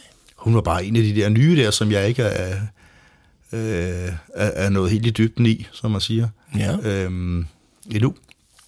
Øhm, men hun er jo en dansk Madonna. Øhm, altså, jeg mener, Ja. hun, hun er, jeg ved ikke, om hun er stilskabende, men, øh, men må dog ikke. Øhm, hun er fald sig selv og sin egen, og, og unik, og det, det, det synes jeg er fedt. I, i, altså, et af Madonna, hun kunne gøre det op gennem 80'erne, øh, men at man, at man kan gøre det i den dag i dag, hvor man hvor alle er så bange for at træde udenfor og, Ja. og, og være sig selv, eller Ja. hvem, man, hvem fanden man så end er, når man er sig selv. Ja, lige præcis. Øh, det synes jeg faktisk er øh, Det er hatten jo en, af, øh. Det var ingen problemer med. Nej. Og hun gør det jo det er super godt. Altså jeg vil sige, jeg har jo... Jeg, har, jeg, jeg tror faktisk, White Nights var den første, jeg hørte med hende for mange år siden. Det var, mm. da min datter, hun øh, sad og hørte musik, hvor jeg sådan blev interesseret i sådan, hvad, hvad, hvad, hvad er det for noget, du hører det? Mm.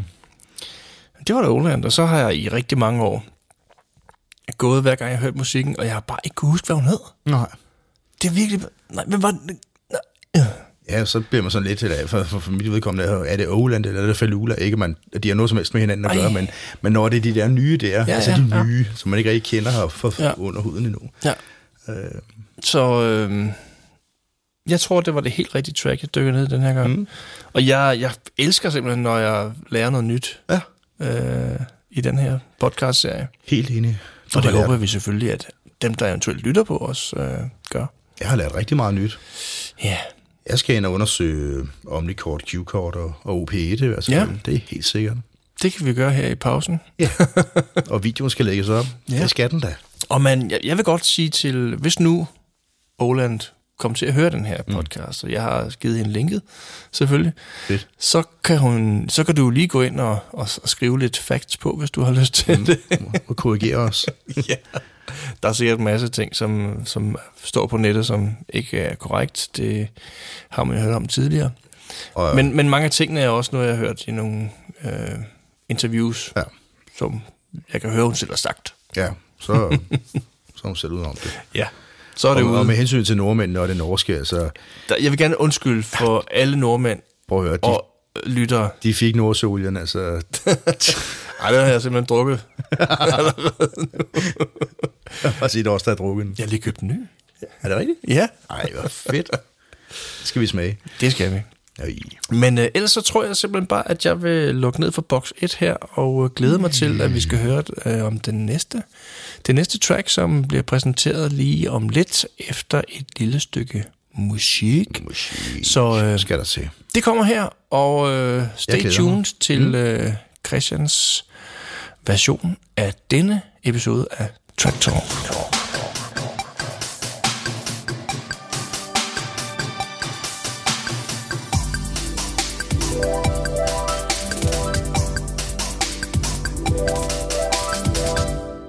Jamen, øh, så er vi tilbage efter den her lille dejlige stykke musik, eller hvad det nu, hvad man kan kalde den, et det lille stykke musik. Og det betyder jo så, at vi skal over til dig, Christian. Ja, det skal vi da. Og jeg har været noget op og ringe over det nummer her. Øh, jeg valgte jo som sagt øh, med det samme, at det skulle være Sandes øh, Kærligheden kalder. Nå, ja. Nå ja, det er jo, det er jo nummeret. Ja, har, nummeret, jeg har valgt her. Sande Sanemulsen med Kærligheden kalder. Og øh, da jeg havde valgt det nummer, der valgte jeg kategorien ud for det. Danske sangerinder. ja, du kan også. Og, øh, Spændende. Det er Ja, et dejligt nummer. det er, det er faktisk øh, det er faktisk mit yndlingsnummer med Sande. Er det rigtigt? Ja. Og øh, jeg synes, at øh, jeg udover at jeg bare godt kan lide nummeret, og, og faktisk også øh, har måttet sande, at øh, teksten den, den, den rammer mig øh, noget, øh, så er det jo for stor dels vedkommendes, eller hvad man kan sige, skyld, eller så er det øh, i høj grad på grund af øh, Rusted Kreuzfeldt øh, lyden, fordi det er jo Rusted Kreuzfeldt, der har produceret den, Det var lige den periode der. Stig Kreuzfeldt, der har skrevet nummeret, eller skrevet musikken, ikke? Øh, det var øh, det meste af den plade, Mm. som hedder... Den hedder Sande, Ja. og er fra 89. Mm. Øh, det er Sandes øh, 6. studiealbum, og øh, der er udgivet på, på Virgin i, som sagt, 89. Og i 1990 udgiver hun så også en øh, engelsk version, der hedder Love is Gonna Call. Mm. Øh, den har jeg egentlig ikke hørt ret meget, må jeg sige. Nej. Og det er egentlig ret pudsigt, fordi øh, nogle gange så taler vi også om videoerne til, til de numre her, og øh, jeg har simpelthen ikke kunne opdrive en musikvideo til Kærligheden kalder. Okay. Øh, diverse øh, liveoptagelser og akustiske øh, versioner af den. Øh, Men så men vi, jeg husker, så er der en video til den der Love is Gonna Call. Det er der nemlig. Øhm, og den video, den er... Ja, nogle gange så, hvis ikke man har noget positivt at sige, så skal man lade være med at sige noget, men, men jeg har så valgt at sige noget alligevel, Okay. kan man sige. Fordi du har noget positivt. Ja, altså... Øh, nej, egentlig ikke. Øh, det er sådan lidt... Øh, ja, hvad skal man sige? Det, det får mig til at tænke på øh, at, at springe over, hvor gæret det er lavest. Altså, i, i forsøg på at lave en video til, øh, vel nok især det amerikanske marked. Øh, gik den, så gik den, og det, det, det, det synes jeg bare ikke rigtigt, det gjorde. Altså, det er, selvfølgelig er der øh, smukke sande, der, der er sminket nærmest til ukendelighed af, hvem ved, måske Dennis Knudsen eller en eller anden mm. make-up-artist. ting. Var det ikke der, hun havde sådan helt små øjne? Jo, øh, Den er periode der. totalt meget dulerdejs omkring øjnene, og, og hvad hedder det, videoen, der er hun, øh, hvad, hvad kalder man det, altså hun har lyst totalt op, totalt været overeksponeret, eller hvad kalder man det? Hun er, Med for meget lys? Og... Øh, ja, ja, hun er sådan helt badet i lysagtig, ja. øh, så man næsten ikke kan se andet end... Du kan ikke se sådan konturerne af Nej. anden øh, sort. Det skjuler så også rynkerne, men dem havde hun ikke så mange af på det tidspunkt. Den, Det kommer på, hvordan man sætter lyset. den kære pige. Ja. Øhm, hun synger til sangen i videoen der, og så er der sådan lidt nogle underlige øh, blåtyrkise, blåtyrkise nuancer, øh, og så er der nogle stillbilleder, der for mig ser det ud som det er nogle billeder fra nogle amerikanske demonstrationer, eller øh, Okay. raceoptøjer. Der er en Harley Davidson politimotorcykel, og sådan nogle typiske New Yorker-billeder. Så det er også meget amerikaniseret. er meget, og, og, og den engelske tekst, den er også... Øh, ja, øh, det, det bliver meget hurtigt sådan lidt øh, uvedkommende eller øh, upersonligt. Øh, Men er det, fordi du er dansker og ser den, altså jeg og tænker, tænker, den er langt væk? jamen jeg tænker lidt, øh, det, det er vel nok lidt også i relation til, at øh, nogle mennesker, nogle kunstnere, de vælger at udgive og synge på dansk. Øh, og øh, det tror jeg er sværere for nogen. Jeg tror, det er nemmere at, at, at skrive en tekst på engelsk, fordi der kan man bedre slippe afsted med at sige, I love you. Ja, det er lidt mere kliché. I, i flæng, ja. øh, Uden det koster men, noget. Men så mister man lidt øh, betydningen af, altså af, af, af teksten. Øh, det bliver sådan lidt, lidt overfladisk, lidt ja. Ja, ja, at sig et amerikaniseret, ikke? Men jeg synes jo bare, nu har vi lige talt om Oland, og, mm. og, og jeg synes, altså mange af hendes videoer er jo også sådan meget New York-agtige. Mm. Men det Men, synes jeg jo så bare på den side er meget fedt, fordi det måske mere understreger, at hun er en international kunstner, Ja. som Sanne måske ikke er i samme grad. Det, det, det, Så det bliver måske lidt falsk. Det bliver så, det har sagen aldrig været. Altså for mig, jeg, jeg får også øh, tanke tilbage til øh, for eksempel Gasolin og Kim Larsen, der de forsøgte sig på, øh, på, på, på den amerikanske grund, øh, hvor altså, Raballer Stræde blev til, til Water Lemon, og øh, nogle tekster, der ikke øh, øh, sagde... de prøver for meget, Ja, ikke? ja og, og så den der danske... Øh, den danske opfattelse af det amerikanske måske, hvor, hvor at, øh, Oland, som bor i New York, hun, hun, hun, ved, hun ved, hvad der foregår i New York. Det er ikke bare et, øh, et, et image eller en, en, en, en forestilling om... Nej, det er nok også, hvis, hvis andre kommer, hvis, hvis udlændingen, hvis man skal sige det på den måde, kommer til, til New York, så er det måske nok de der store øh, steder, turiststeder, som, mm. som man gerne vil have med, og Ja, ja, ja. vise, at jeg har fandme været i New York. Ikke? Madison Square Garden, og man... Og ikke bare en eller anden sidevej, hvor der holder nogle gamle lastbiler, og man løber på gaden, mm. og en eller anden gammel cementbygning, hvor, som kunne have været hvor som helst i verden, men man egentlig godt ved, at New York. Altså, Ja. man vil gerne vise, at det, "Ej, her jeg skulle være i New York og Jo, film, ikke? Og så, så vælger man noget, som, som man satser på, at alle kan, kan relatere til eller genkende til. Altså, ja. altså hvis, hvis, hvis du og jeg, eller eventuelt Mads Langer, skulle lige pludselig forsøge at gøre sådan en, en karriere i Tyrkiet, det ville jo også være... Øh, altså, hvad, hvad, kender man til Tyrkiet? Jamen, Alanya og Så vil jeg lave en video i Yes, man. Ephesus. Ephesus. Yes, og du skulle have en fest på. Yes. og have en fest. Øhm, som sagt, øh, Stig Kreutzfeldt har jo så skrevet musikken, mm. og øh, teksten, det er så selveste Thomas Helmi, der har skrevet den. Okay. Bum, bummelum. Den lille jyske gut, han kan jo, altså, ja, jeg synes jo, Thomas Helmi, han kan jo bare skrive nogle tekster, øh, der går lige ind, og jeg kan relatere til rigtig mange af dem. Øh, nu skal jeg ikke sidde og læse hele teksten op, men altså det er, jeg synes, det der rammer mig øh, personligt, det er jo nok det der med, øh, ensom sjæl, et hjerte fuld af længsel. Ensom dame 40 år. Ja, præcis. Altså, nu, nu skal jeg ikke gøre mig selv mere ensom, end jeg er. Øh, men så er der alligevel et eller andet, der rammer mig, med, øh, der senere bliver sunget, kalenderbladet falder og forsvinder, og gamle billeder af venner og veninder, og billeder, der pludselig får en krop og en stemme, der siger, at jeg aldrig må glemme, at kærligheden kalder. Mm. Øh, det er fald noget, der rammer mig meget personligt. Dejligt billedsprog. på en Ja, helt, helt sikkert, og jeg har sgu egentlig aldrig rigtig øh, dyrket den tekst tidligere, men, øh, men, men, men nu rammer den mig øh, på, en, på en god måde. Ja, Øh, og jeg er bare kommet til at holde endnu mere nummeret, og øh, det er jo fedt. derfor skal vi snakke lidt om det. Ja, Det er derfor, altså, vi synes, snakker lidt om det. ja, altså det som jeg har med det nummer, mm. det er sådan mere den der øh, intro med trommerne, der kommer, mm. og gitaren, der kommer ind der. Og derfor, der har jeg bare... Jamen, jeg, jeg skulle ikke lytte så meget. Altså, Nej. det har bare været, yes, der er fedt nummer, god lyd, og øh, i ørefaldene, mm. og, og så er jeg sgu ikke, så har jeg bare ligesom givet mig hen til, til nummeret og, og rytmen og sådan. Jamen, jeg tror, at de første øh, 23 sekunder af nummeret, de, de, de kan bære resten af sangen. Ja, altså, så kan han ja, så er hvad som helst næsten. virkelig, virkelig en fed start. Altså, jeg, jeg er totalt vild med den lyd, øh, Ja, Stig han laver. Han, Ja. ja. er, han er vanvittigt dygtig. meget. Og super flink. Ja, du kender ham simpelthen. Jeg kender Stig fra Rosted Kreuzfeldt. Nej, det gør jeg ikke. Jeg har da hørt om ham, og har hørt om. Øhm, Han har garanteret også hørt om dig. det har han helt sikkert. Han sidder sikkert og lytter med nu. Hvem ved? Hej Stig. Her i Stig. Dejligt nummer, du har skrevet. Sanne.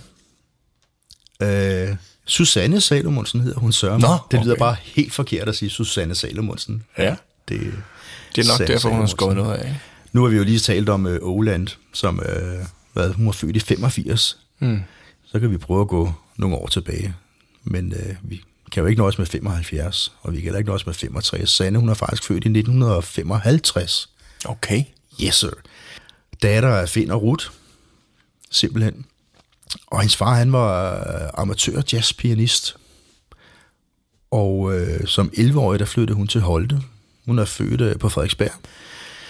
Øhm, hun blev faktisk, vi snakkede lige før om, øh, om at nu skulle vi til at tale om Sande, og øh, det var en, en, en noget anden karriere, hun har haft. Øh, i sagens natur på grund af dens længde, jo, kan man sige. Der, Ja. har Åland jo ikke haft en chance endnu, så pur ung som hun er. Nej. Men øh, Sanne, hun blev faktisk også øh, tilbudt optagelse på den kongelige balletskole som seksårig.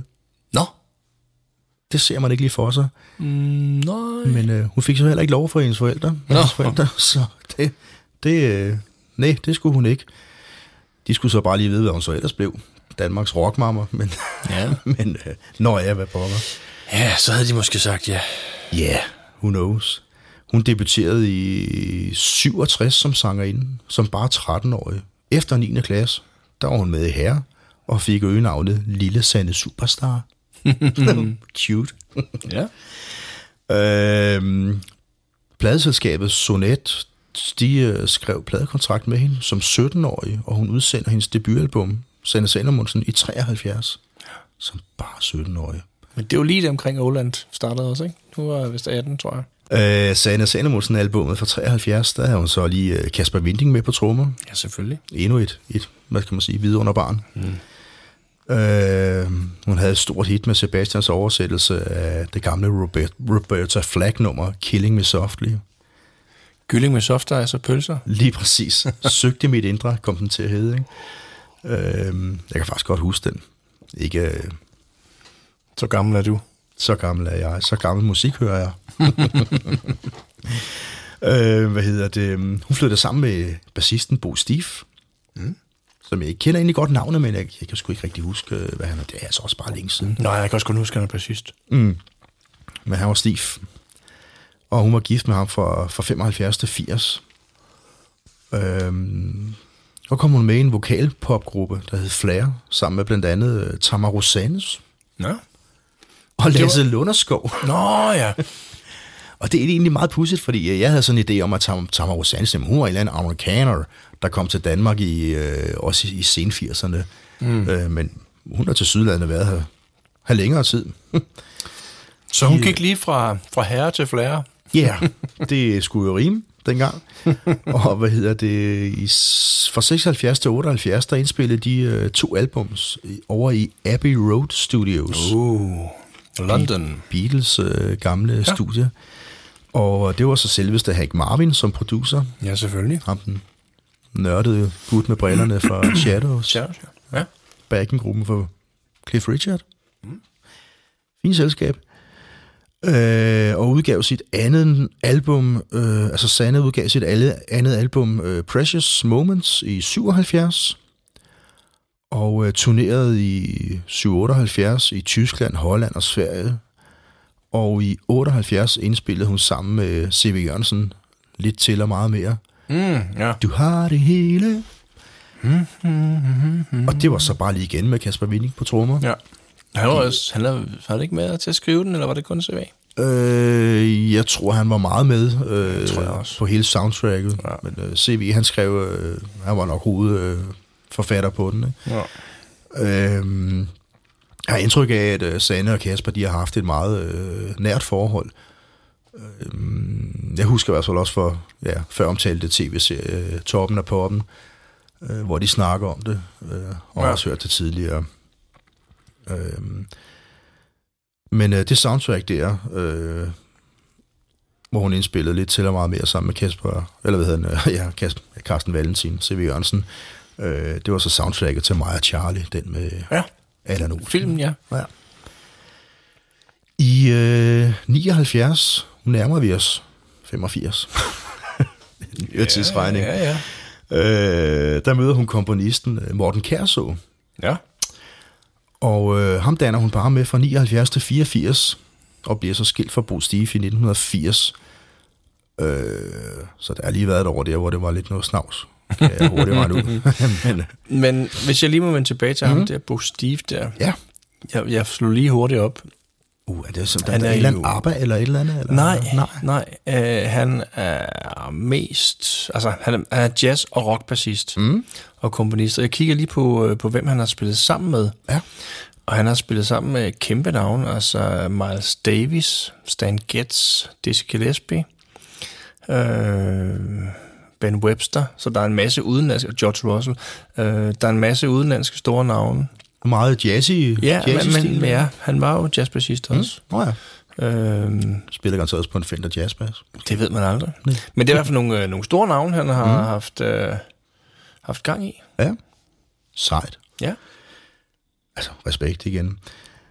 Men som sagt, øh, hun bliver så skilt for, for Bo, jazz- og rockbassist, øh, Steve, i 1980. Og øh, der kommer hun så med det år. Der kommer hun med i Sneakers, hvor øh, Morten Kærså er ja. dirigent, han har sagt. Kapelmester. Kapelmester, kapelmester Morten Kærså. Ja. Øh, Og det er han jo stadig den dag i dag. Ja, det er... Bare i den Moon Jam. Ja. Nå ja, nu hedder det Moon Jam. Ja. Øhm, der bliver hun ligesom mere blues- og soul-inspireret, efter hun kommer med i Sneakers, øh, musikken de laver der. Ikke? De udgiver fire album, øh, og øh, ja, så samtidig med det, så er hun selvfølgelig også lige med i Anne Linnet Band, øh, sammen med Anne Linnet og, og Lis Sørensen ja, selvfølgelig. fra 79 til 82. Altså, hun, er, åh, hun var meget arbejdsom. Jeg tror også, hun var et enormt stort talent Mm. på, på det tidspunkt. Mm. Altså ung og så godt ud og var med i alle mulige ting. Ja, hun havde jo det hele. Udviklede sig helt vildt. Ja. Og de tre øh, kvindemennesker der, Anne Linnet og Lis Sørensen og Sanne Salomonsen, det var jo i mange år de tre, de tre store øh, kvindelige sangerinder. Mm. Ja. De var med i alt. Ja, Stort set. Ikke? Enten, altså også på kor. ja, og hver for sig, og Ja. ja. sammen med andre, sammen med Sebastian og, jamen altså, og skønne Lis Sørensen. I øh, 83, der skal hun selvfølgelig også lige be- begynde at medvirke film og musicals, ikke? Både Ja. Danmark og, og Sverige. Og øh, hun var også sammen med Anne Linnet øh, med på at lave... det? Øh, ja, altså rent musikalsk. Ja, ja. Og til at lave musicalen Berlin fra 1980. 84. Fra 1984, hvor hun øh, synger misbrugt Ja. og forladt. I 1985, året efter Berlin øh, musicalen der, der gifter hun sig med Mats Ronander, Mm. som hun er gift med til 92. Og ham kender vi jo fra ABBA, Blandt andet. blandt andet, ja. Og hans øh, soloprojekter også. Solo ja, bare ham selv. Hans, øh, Ja. en lille duet med Kim Larsen. Det har han også været. Ja, øh, mig lykkelig. Ja. Jo, vist. Gør mig lykkelig nu. Di, di, di, di, di, di. Jeps. Øhm, udgiver ni albums fra 1985 til 1999. Så der, Altså Mats. nej, øh, Sande Nå, okay. fortsætter med at udgive, øh, så går nok på 14 år, ikke? men alligevel øh, ni albums. Øh, Jo, jo. får tid til at, at føde hendes søn, hende og Mats søn, øh, Victor Ray, i Ja. 88. Og samme år, 88, er hun med på Den, jeg elsker, elsker jeg, Mm. Sammen med Thomas Helmi og Anne Linde, ikke? Ja. som var Den der AIDS. ja, AIDS-kampagne Ja. sang. og den blev så også et øh, kæmpe hit, også rent salgsmæssigt i hele Skandinavien faktisk. Den, jeg elsker, elsker jeg. Ja. udgiver øh, Sande-albummet i 89, hvor at øh, Kærligheden kalder øh, stammer fra, som er produceret og skrevet af, af Rusted Kreuzfeldt. Og så er ringen ligesom sluttet. Ja, yeah, så er vi ligesom, Den første ring, kan man sige på den måde. Ikke? Fordi Yes. der sker jo meget efterfølgende også. det men, er ja. ren OL det her, der er mange øh, ja, som sagt, så nævnte jeg i gruppen Flere med Lasse Lunderskov og Tamar Rosanes. Øh, I 2001, der joiner hun med Lis Sørensen og Tamar Rosanes i trioen Cowgirls. Cowgirls, ja. Even cowgirls get the blues. Yes, sir. Og mere til. De udgiver bare et enkelt album, mener jeg. Uh, hun har hovedrollen i musicalen Evita, oh. den uh, danske udgave. Okay. Og uh, i 96, der begynder hun at udgive engelsksprogede albums med uh, Nikolaj Sten som producer. Mm. Danske Nikolaj. Og trommeslager vel egentlig også, Og som live, ikke? Jo, jo. Og øh, fortsætter i 2002 med albumet Freedom, hvorfra vi kender Teardrops in Heaven. Senere udgiver hun øh, albumet The Album Det var også på tide. der kom et, der hed The Album. i 2005 med øh, Never Been Loved Before.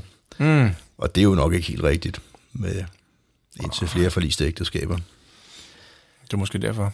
I øh, 2006, der sker der så det, øh, at jeg står og skal til en julefrokost øh, inde i Bella Centeret. Et kæmpe arrangement med 3500 gæster og en helvedes masse snaps. og øh, der er adskillige store kunstnere, der skal underholde i løbet af aftenen. Blandt andet Sanne Salomonsen. Yay. Yes. Men øh, kort tid forinden, der får man simpelthen bare lige at vide, at øh, Sanne hun er blevet ramt af en blodprop i hjernen. Nej. 2006. Og hun har altså også, øh, ja, hun kender altså vel ikke den nøjagtige årsag til blodprop, men hun har altså bare givet den gas siden 1973, ikke? Hun har nok ikke skålet sig selv så meget. Ej, jeg ved ikke, hvad hun har udgivet på det tidspunkt. Øh, f- f- 14-15 albums eller et eller andet, ikke? Og turneret i Der var jo også både Where. Blue Begins, mm. pladen og Unplugged og... Præcis. Ja. Øhm, hun bliver larmet i venstre arm og venstre halvdel af ansigtet, men øh, hun er sgu en sej dame, hendes Anne, fordi mm. i 2009, der står hun på scenen igen, ja, helt vildt. og ja, så bare tre år efter, ikke? Og, og samme år, der udkommer så lige comeback-albummet Unico, mm. med øh, numre som Taxa, Overgiver mig langsomt, og her ikke helt igen. Ja. Øhm, og det var, hvad det var, en, øh, åh, en skøn ballade, også skrevet af Thomas Helmi. Mm. Jamen, det er, jo, det er jo fuldstændig vildt, hun kan komme tilbage på den måde. Altså, Ja, og jeg synes, hvis man sådan er- ligesom tager en anden kunstner, som for eksempel øh, Michael Bundesen. Mm. Ja, Jeg kan jo ikke sige, hvor hårdt de er ramt i forhold til hinanden, men, øh, Nej. men han kommer jo aldrig tilbage. Nej. Altså, sådan, sådan rigtigt. Men altså, det, det er virkelig sejt kommet tilbage, ja. vil jeg sige. det er helt sikkert. Hun Og hun er jo kommet tilbage med fuld, fuld smadret. fuld skrue, ja. altså. Og giver den gas i dag, ikke? Med ja, X-Factor og live øh, programmer. Og, Ja. Jeg ved ikke, hun tu- turnerer nok ikke så vanvittigt hårdt mere. Åh, det ved jeg faktisk ikke. Og trods alt 62 nu, ikke? Så, men Men altså, altså, det, det er der så mange, der er. Og Det, er Ja. jo, det er jo måske ungt i nogen sammenhæng. ikke? Øh, ja, Paul McCartney har lige været i Danmark. Øh, ja, er Rolling Stones. Mm. så der er jo der er masser. Altså, Queen er jo heller ikke øh, specielt unge længere, vel? Nej, Så ja. bestemt ikke. Men jeg tror også bare i dag, med, med det der med alderen, er sgu ikke så vigtigt, altså. Nej, Fordi når du, når du kommer øh, op i den alder der, jamen, så er det jo også dumt bare at stoppe. Altså, hvis man kan fortsætte. Altså, jeg tænker, at, at, at livet for dem er blevet sådan rimelig let på landevejen, eller i hvert fald for, forskånet noget i forhold til, da de var yngre, ikke? Hvor de, jo jo. øh, jeg, jeg tror, man, man får taget lidt mere hensyn til sig og, og sin ja. alder, øh, jo længere op man kommer, ikke? Jo, og vælge at sætte sig på de lidt, lidt federe pladser. I. Ja, yeah, og få lidt flere folk til at arbejde for sig, ja. og, så man skal møde op og stå og synge en time eller halvanden. Det, Så bliver det jo en rimelig kort arbejdsdag, trods alt. Hun udgiver i øh, 2014 øh, det 17. studiealbum, der hedder Hjem. ja, det er rigtigt. Det er blevet meget kendt. Det er Ja. ja. netop øh, titelnummeret, ikke? Jo, der er rigtig mange piger, der godt kan lide den i hvert fald. kan jeg huske det? Jamen, det er sådan en, jamen, det er meget øh, øh, følsom sang også. Ja. Jeg mener faktisk, hun sang den i Toppen af Poppen. Ja. Som sit eget, altså fordi den lige var kommet der, Ja. ja. så hun, jeg tror, hun sluttede sin egen dag med at synge Det den, mener jeg også, jeg kan huske. så vidt jeg husker. Så, om aftenen der. Øh, og så er det 18. og indtil videre sidste øh, studiealbum, Baby Blue, i 17. Altså den kære Sanne, hun har udgivet 25 albums på, på 45 år, mm. øh, plus øh, fire albums med sneakers, og hun har været med på Anne Linnet-plader, og en hel masse andet, jeg Ja. ikke har kunne finde frem. Altså, man, man bliver helt træt, øh, bare ved tanken. Jeg kom til at tænke på Toppen af Poppen, vi mm. talte om. I samme program, der var Mads Langer jo med, Ja. hvor han sang, Overgiver mig langsomt. som han jo faktisk selv har skrevet til Sanne, Og det er ham, der har skrevet så vidt jeg ved. Ah, ja. Så det er jo meget pudsigt, at han sidder og synger sit eget navn. Og, og, Eller sit eget nummer. Ja, i en andens navn. Det er i hvert fald det, jeg sådan lige har Ja. ja. hørt. Jeg har ikke tjekket op facts på det helt 100, men uh, Han gør den også godt, ja, det må jeg sige. Det, det synes jeg bestemt. helt sikkert. Men, hvis det er ham, der har skrevet den, så burde han også vide, hvordan den skal skæres. jo, jo, burde der kunne huske det, om ikke andet. øh, vi kommer altså ikke udenom Ruste Krøjsfeldt Nej. i den her sammenhæng her. Øh, det er to gavede gutter, Mm. der... øh, Ja, de har nogle år på banen. Jens Rosted, han er, er født på Amager i, i 47. Mm. Øhm, han er kendt for sit samarbejde med Sebastian på pladen øh, 1001 Nat og Skatteøen, samt på Vulkaner, og har været på turné sammen med ham Ja. fra 84 til 87. Og så var han med til at danne Savage Rose i 1967. Og vi, vi går virkelig langt tilbage. Og der var han også 20 år. Jo. Ja, lige præcis. Ikke? Det, det, Det var nok sådan lidt flippet tid, ikke? det er jo det, der er lidt vildt, ikke? Fordi, øhm, og den anden del af, af, af duen der, makkerparet, Rusted Kreuzfeldt Stig, han er, ja, han er så født i 50. Øh, sanger, sangskriver, guitarist og pladeproducer. Har han egentlig været kendt for noget før Rusted Ja. Kreuzfeldt? Ja, han har medvirket i grupperne The Lollipops. Uh, Der skal vi også tilbage til 67. Ja. Og Ache fra 75 til 76. ikke lige fra, men det er en af mine brors store... Øh, Jeg har bare var han med der? og tænkt på Per, din Hold bror, ja. da. Præcis. Det var jeg ikke engang klar over. Nej, det er ikke engang sikkert, at Per er klar over det. Nej. Men det er jo derfor, han skal lytte til vores podcast. Jeps, så kan man få lidt info og lidt viden. Måske har han... Ja, ja han har, altså det var den tidspunkt, hvor man købte øh, vinylplader og LP-plader, ja. så der har han nok siddet og, og kigget på omslagene og set, at han var med der. Det var det. før læsebrillernes tid, der kunne man læse det, det der stod med småt på. Han ved, på han ved det nok. Øhm, efter øh, han var så var med i Lollipops og, og Ake, øhm, arbejdede Stig for Freddy Hansen i Freddys nye pladestudie, Sweet Silence Studios på mm, Amager ja. i en overrække som øh, freelance-tekniker og producer, hvor han simpelthen var med til at opbygge øh, studiet fra bunden. Øhm, og der er jeg også simpelthen, altså jeg er simpelthen så imponeret over Rusted Køjsfeldt. Øhm, altså, jeg har læst et sted øh, en, der skriver, og jeg er fuldstændig 100% enig, at øh, Rusted Køjsfeldt, de indvarslede et årti, hvor dansk poprock solgte millioner af plader. Altså, øhm, man kan diskutere om Jens Rosted og Stig Kreuzfeldt, de har, har fået den credit, de, de fortjener for at have skubbet til den bølge, der på et tidspunkt, hvor eller på et tidspunkt, hvor øh, vestkystrock, øh, jazzrock, soul, disco og punk slog sig op opmærksomheden. Altså, der, der kom de jo simpelthen ind med deres dansksprogede popmusik. Meget fin musik. Øh, Simpelt på en eller anden måde, ikke? ja, og, øh, Simpel og- og- og instrumentering. poppe. Altså, altså mig personligt, øh, dengang, da, da, da, de, da de kom frem fra 79 til 85, altså de, det er søle 5-6 år, Ja. de, øh, og jeg synes bare, som jeg tænker tilbage, der, der var det en, en kæmpe lang periode, hvor de bare var der, og altid havde været der-agtigt, eller, øh, men, men før dem, der var det for mig cirka, øh, ligesom, øh, det var gasolin eller Shubadua. Mm. Altså, der er rødvin, og der er hvidvin. altså, Hvis du blander det, Ja. så får du rustet grøsvægt. så bliver det grønsvind.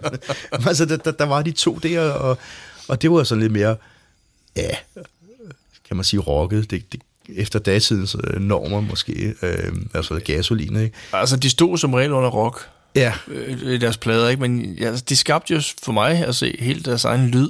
mm.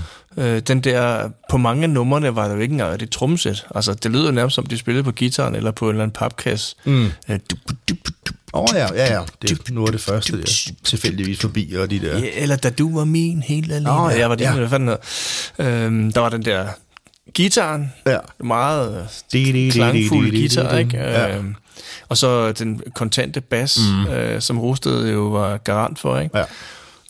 Og så nogle, nogle guitar fills, og så den der du, du, du, du, dumpe rytmelyd. Ja, ja. Ikke et Øh, øh, traditionelt tromme... Øh, Altså, det var, der på, kendte det var der på nogle af dem, men mm. jeg synes, mange af dem havde den der kompakte lyd Ja. med de der paptrummer, eller papkasser, eller hvad skal man sige, ikke? Mm.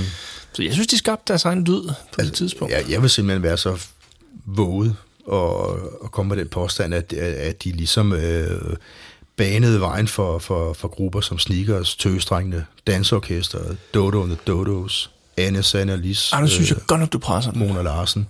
altså den, den bølge, der kom af, af, af dansksproget, selvfølgelig dansk musik, ja. øh, som, som jo blev kæmpestore øh, fra 3-4-80'er og op Ja, igennem 80'erne. det kan, det kan godt være, at de har været sådan en, en, en bølgebryder for, en for noget af det gamle, Mm. hvor man kan forestille sig, at de kommer ind, og så bliver det spredt ud til forskellige genrer. Mm. Altså, hvor man siger, tøstregene kører over noget reggae-agtigt meget. noget, og øh, nogle kører noget skarbeat, og andre kører det i noget rock, fortsat lidt Ja. light version af pop. Øh, altså, så, så, så de har nok været sådan en, en bølgebryder på den måde, en, en ja, hvad skal man sige, en det fordeler. til, tilladt med den, den mere blide pop. Ja, øh, ja.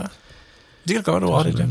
Lyden af dansk. Øh, lyden af lædersofa. Der er nogen, der har kaldt det. Lyden af dansk lædersofa. Ja, det er jo lækkert.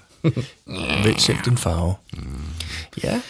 Øh, det der Sweet Silence studie, øh, som Stig han var med til at bygge op for bunden af, det blev åbnet i 76 øh, af lydteknikeren og produceren Freddy Hansen, og øh, han har tidligere været tekniker i noget, der hed Rosenberg-studiet. Senere blev hans medhjælper Flemming Rasmussen medejer, og sidst i 90'erne, der, der drev ham Flemming Rasmussen studiet alene, mm. simpelthen. Og øh, grunden til, at jeg nævner, bruger lidt tid på Sweet Silence-studiet, øh, det, det er altså fordi, at øh, det har været et meget benyttet studie blandt øh, danske rockmusikere, og i- ifølge øh, politikens rocklexikon fra 2002, øh, havde det en andel i, i 70'erne, eller det havde den i anden halvdel af 70'erne nærmest monopol på indspilning af dansk rock. Selvfølgelig derfor blev det så stort. Øh, I 80'erne blev det til med internationalt kendt, da blandt andet Metallica indspillede to af deres plader der, mm. Ride the Lightning og Master of the Puppets, i henholdsvis 84 og 86. Men det var før The Black. Mm. Og begge produceret af Flemming Rasmussen. Okay. Rainbow med Richie Blackmore, de spillede, øh, indspillede to albums i 80'erne på Strandlørsvej med blandt andet Richie Blackmore, som også dannede Deep Purple. Okay, så det er ikke engang det danske Rainbow. Nej, nej, nej, nej det, var, øh, det var de rigtige Rainbow. Okay. ja, skal sige. Richie Blackmores Rainbow. Ja. Øh, og oprindeligt så, så var studiet som sagt øh, placeret på, på Strandløsvej på Amager, men i slutningen af 90'erne, der blev det på grund af, af nedrivningsplaner flyttet til Njalsgade på Islands Brygge. Mm. Og i 2008 måtte det imidlertid lukke helt, da også bygningen i Njalsgade skulle rives ned. Så øh, det har været lidt igennem det, det gode studie. Mm. Den første sang, der blev indspillet i Sweet Silence Studio, det var simpelthen øh, Hvad gør vi nu, lille du? Ja, jeg så jeg godt tænke Gasolin. på gasolin. Mm. Den 17. april i 76. Mm. Så det er way back. Det er sgu også lidt vildt. Det er lige vildt at tænke på med de der... Og så også historierne om, om nogle af de der pladestudier, og hvem der har været der. Jeg synes, det er sgu fascinerende. Også, hvad hedder det... Øh, det over i Randers. Puk-studie. Øh, Puk-studie Udenfor. derovre, ikke? Altså, hvor ja. Depeche Mode har indspillet, og George Michael, George Elton Michael. John tror jeg også har været der. Rick TV2 Astley. spiller alle, stort set alle. Lisa? Per har indspillet der. Altså, de Ja. har været der alle sammen. Dræsinebanden måske Dræs- også. Nej, det tror jeg kraftigt. Tror du ikke? Det, jo, måske. Jeg ved det ikke. Men det er, det, det er sgu De imponerende. mange steder. Ja. øhm, at, at lille Danmark også kunne tiltrække nogen Men altså, for, så vidt jeg forstod, PUC-studiet, det var også, det har også lidt at gøre med, at det lå sådan ude på landet, Jo, jo. hvor der ikke var så meget andet at lave, end at koncentrere sig. Det er godt for Og, arbejdsmoralen. og for at vende tilbage til den der film med Queen, vi var inde og se, altså Mm. Bohemian Rhapsody, ikke? Ja, ja. De blev jo ja. også sendt ud De blev sgu også sendt på landet. på landet der i, i, i, nord for Cardiff, et eller andet sted, Ja, hvor de... Ja, det var, øh, var nede i Wales, eller? Ja, det var... Det, det Ish. var Wales-ish. ja, det mener jeg faktisk, det er. Mm. Fed. Rock, Det er jo et fed film. Den kan varmt anbefales, Ja, stadigvæk. uanset hvornår du end hører det her. Så det kan Uh, være, at du ja. kan tage den tid, når du hører det her. Du kan se den på Netflix, men se den for Guds skyld. For Eller noget helt skyld. andet. For min skyld. Den er virkelig god. Ja, den er rigtig god. Tilbage. Tilbage Til studiet. tilbage til studiet. Hvad hedder det? Ja, det der Sweet Silence øh, studie der, de, øh, det, bygningen blev så revet ned i Nielsgade, og øh, Sweet Silence studiet, de genåbnede rent faktisk i, i 14 efter bygningen, som sagt, blev revet ned i Nielsgade øh, af alle steder i Helsingør. Øh, som en del af Musikkens Hus i Murgade, mm. under navnet Sweet Silence North, formodentlig på grund af den geografiske placering. Ikke? Ja, må det ikke? Men øh, lukkede allerede igen i 17. Og øh, i 2018 18, i januar, der flyttede studiet tilbage til København og åbnede med Søren Berlevs øh, Rockhotel den 12. februar 18 og stadigvæk med Flemming Rasmussen ved roret. Okay. Søren, Altså, Søren Berlevs Rock Hotel. Berlevs. Rockhotel, det, det er nok også noget, der er værd at undersøge. Ja, jeg har ikke umiddelbart lige hørt om det. Til dem, der ikke skulle vide det, så, så var Søren Berlev jo så trommeslæren i Gasolin. Ja, det er rigtigt. Han kører stadigvæk ud. Ja, med, Med bluesband, Midnight? Blues med Ja. ja. skaldede kokker og, og en fed guitarist, jeg ikke kan huske, Peter et eller andet. Jeg har desværre aldrig hørt det. Og jeg har hørt dem op i, på værtshuset oppe i Næstved. Okay. Fed aften, Ja, så vidt jeg husker. ja. Tilbage til Sande. Hm. Og nu tilbage. Øh, der var også et par andre hits på, hvad hedder det, um, Sande-albummet der. Øh, øh, og alle de tre, altså Kærligheden kalder, hvis du forstod, og Jeg er i live, det er jo så alle tre med tekster Thomas Helmi. Øh, mange af de andre tekster på, på albummet, de er skrevet af Ronander, Anne Linnet og, og Jens Rosted. Okay. Og musikken er som sagt skrevet af, af Stig Kreuzfeldt. Al musik. Ja, stort set. Der er lige et par enkelte numre, øh, Jens Rosted har skrevet musikken til. Mm. Øhm, og øh, som sagt, Rosted Kreuzfeldt som producer også. Øhm, og så sad jeg så og skulle høre det der nummer igennem, og som, som du og jeg, vi jo så tit gør, sidder og snakker om, hvad, hvad, er det, hvad er det for en trommemaskine, de bruger der, mm. og oh, kunne det være en Juno 60, de bruger? Men øh, nu skal vi jo tænke på, at vi er jo, vi er jo helt fremme i 1989, Ja.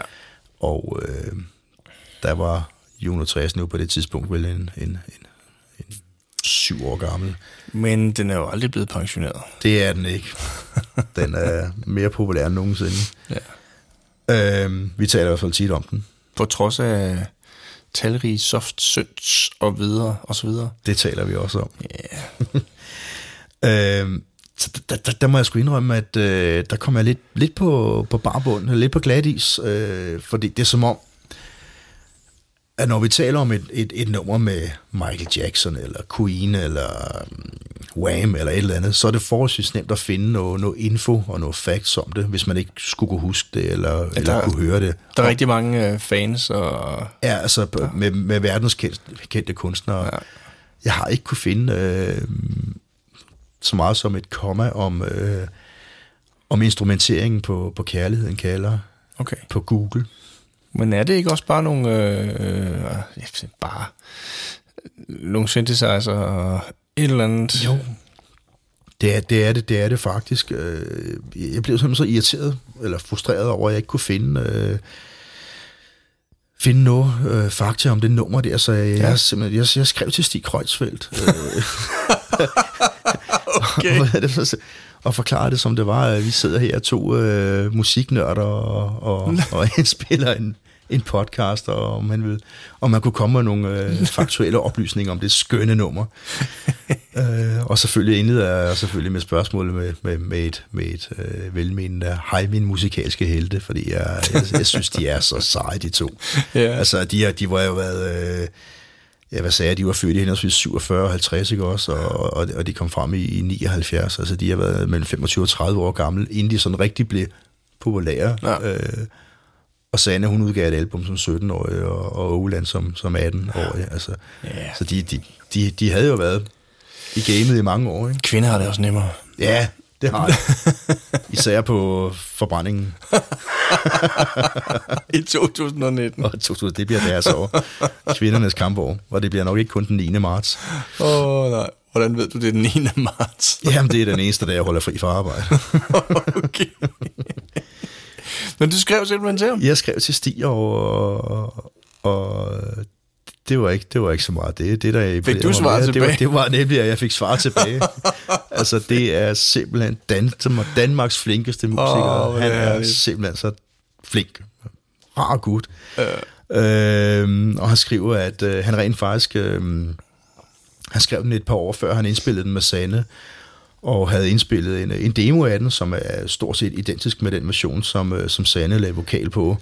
Okay. Og, og med undtagelse af Jens Rusteds øh, guitar, så er hele pivetøjet lavet på Stigs Akai-sampler, og de bestod altså af to styks Akai S700 og to styks Akai S900.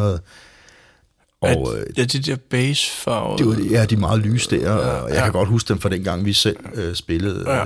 De var sgu halvpeber. Og, Du havde en Akai S612. en sort sag, at der Ja. i den sammenhæng øh, næsten ikke er, er værd at, at sammenligne. men, Åh, det, er ikke. øh, altså, det var den der, hvor man kunne sætte disketterne sådan på skruer for oven, ikke? Ja, jeg var utrolig glad for den. Det var min første sampler. og Det var da også fedt. Fandme fedt, man kunne få, få, en, få en trompetlyd, der rent faktisk lød som en trompet. Det startede med et kys. Også det. det var sgu sjovt. Det er altså en, en fed ting med sampler. Altså sampler, det er jo... Øh, så meget simplificeret sagt en, øh, en, en, en slags båndoptager, hvor du kan optage en lyd øh, dengang øh, og gemme den på disketter. Øh, I dag gemmer man den selvfølgelig på, på harddisk øh, eller måske et SD-kort. Øhm, og så kan du afspille den lyd, du så har optaget, og det kan jo være alt fra, ja, hvad var det, hvor der historien går på, Kasper Winding havde også en gang en sampler, der kunne sige hej Åge. øh, det var Shubidua, der fortalte det, dengang de fik ham med på, Ja. på øh, var han med på keyboard, eller var han med på trommer? Trommer. trommer. Men han havde i hvert fald en sampler, der kunne sige hej Åge. og det er jo også lidt cool. Jeg tænkte at nævne det. ja, ja, Men så kan du afspille Du du kan kan det, du nu har optaget i en eller anden det, du melodirække, det som kan du har lyst til. Og det kan være en uh, Stradivarius, Stradivarius violin, eller et Steinway-flyl, eller, Eller en, der hoster. eller en, der, ja, en, der hoster. altså, det kan være, det kan være i princippet være hvad som helst, jo. Øhm, så jeg tænker, det tror da pokker. Jeg ikke kan høre, hvad det er for nogle keyboards, han har brugt nu, når han har brugt samples. Snyd. Øh, for, fordi Stig, han har faktisk selv designet de der lyde, på, der er på tracket, både trommer og percussion og samples og keyboard-lyde. Og øh, der er en lille mundharpe, et lille mundharpestykke, øh, et lille solostykke. Ja.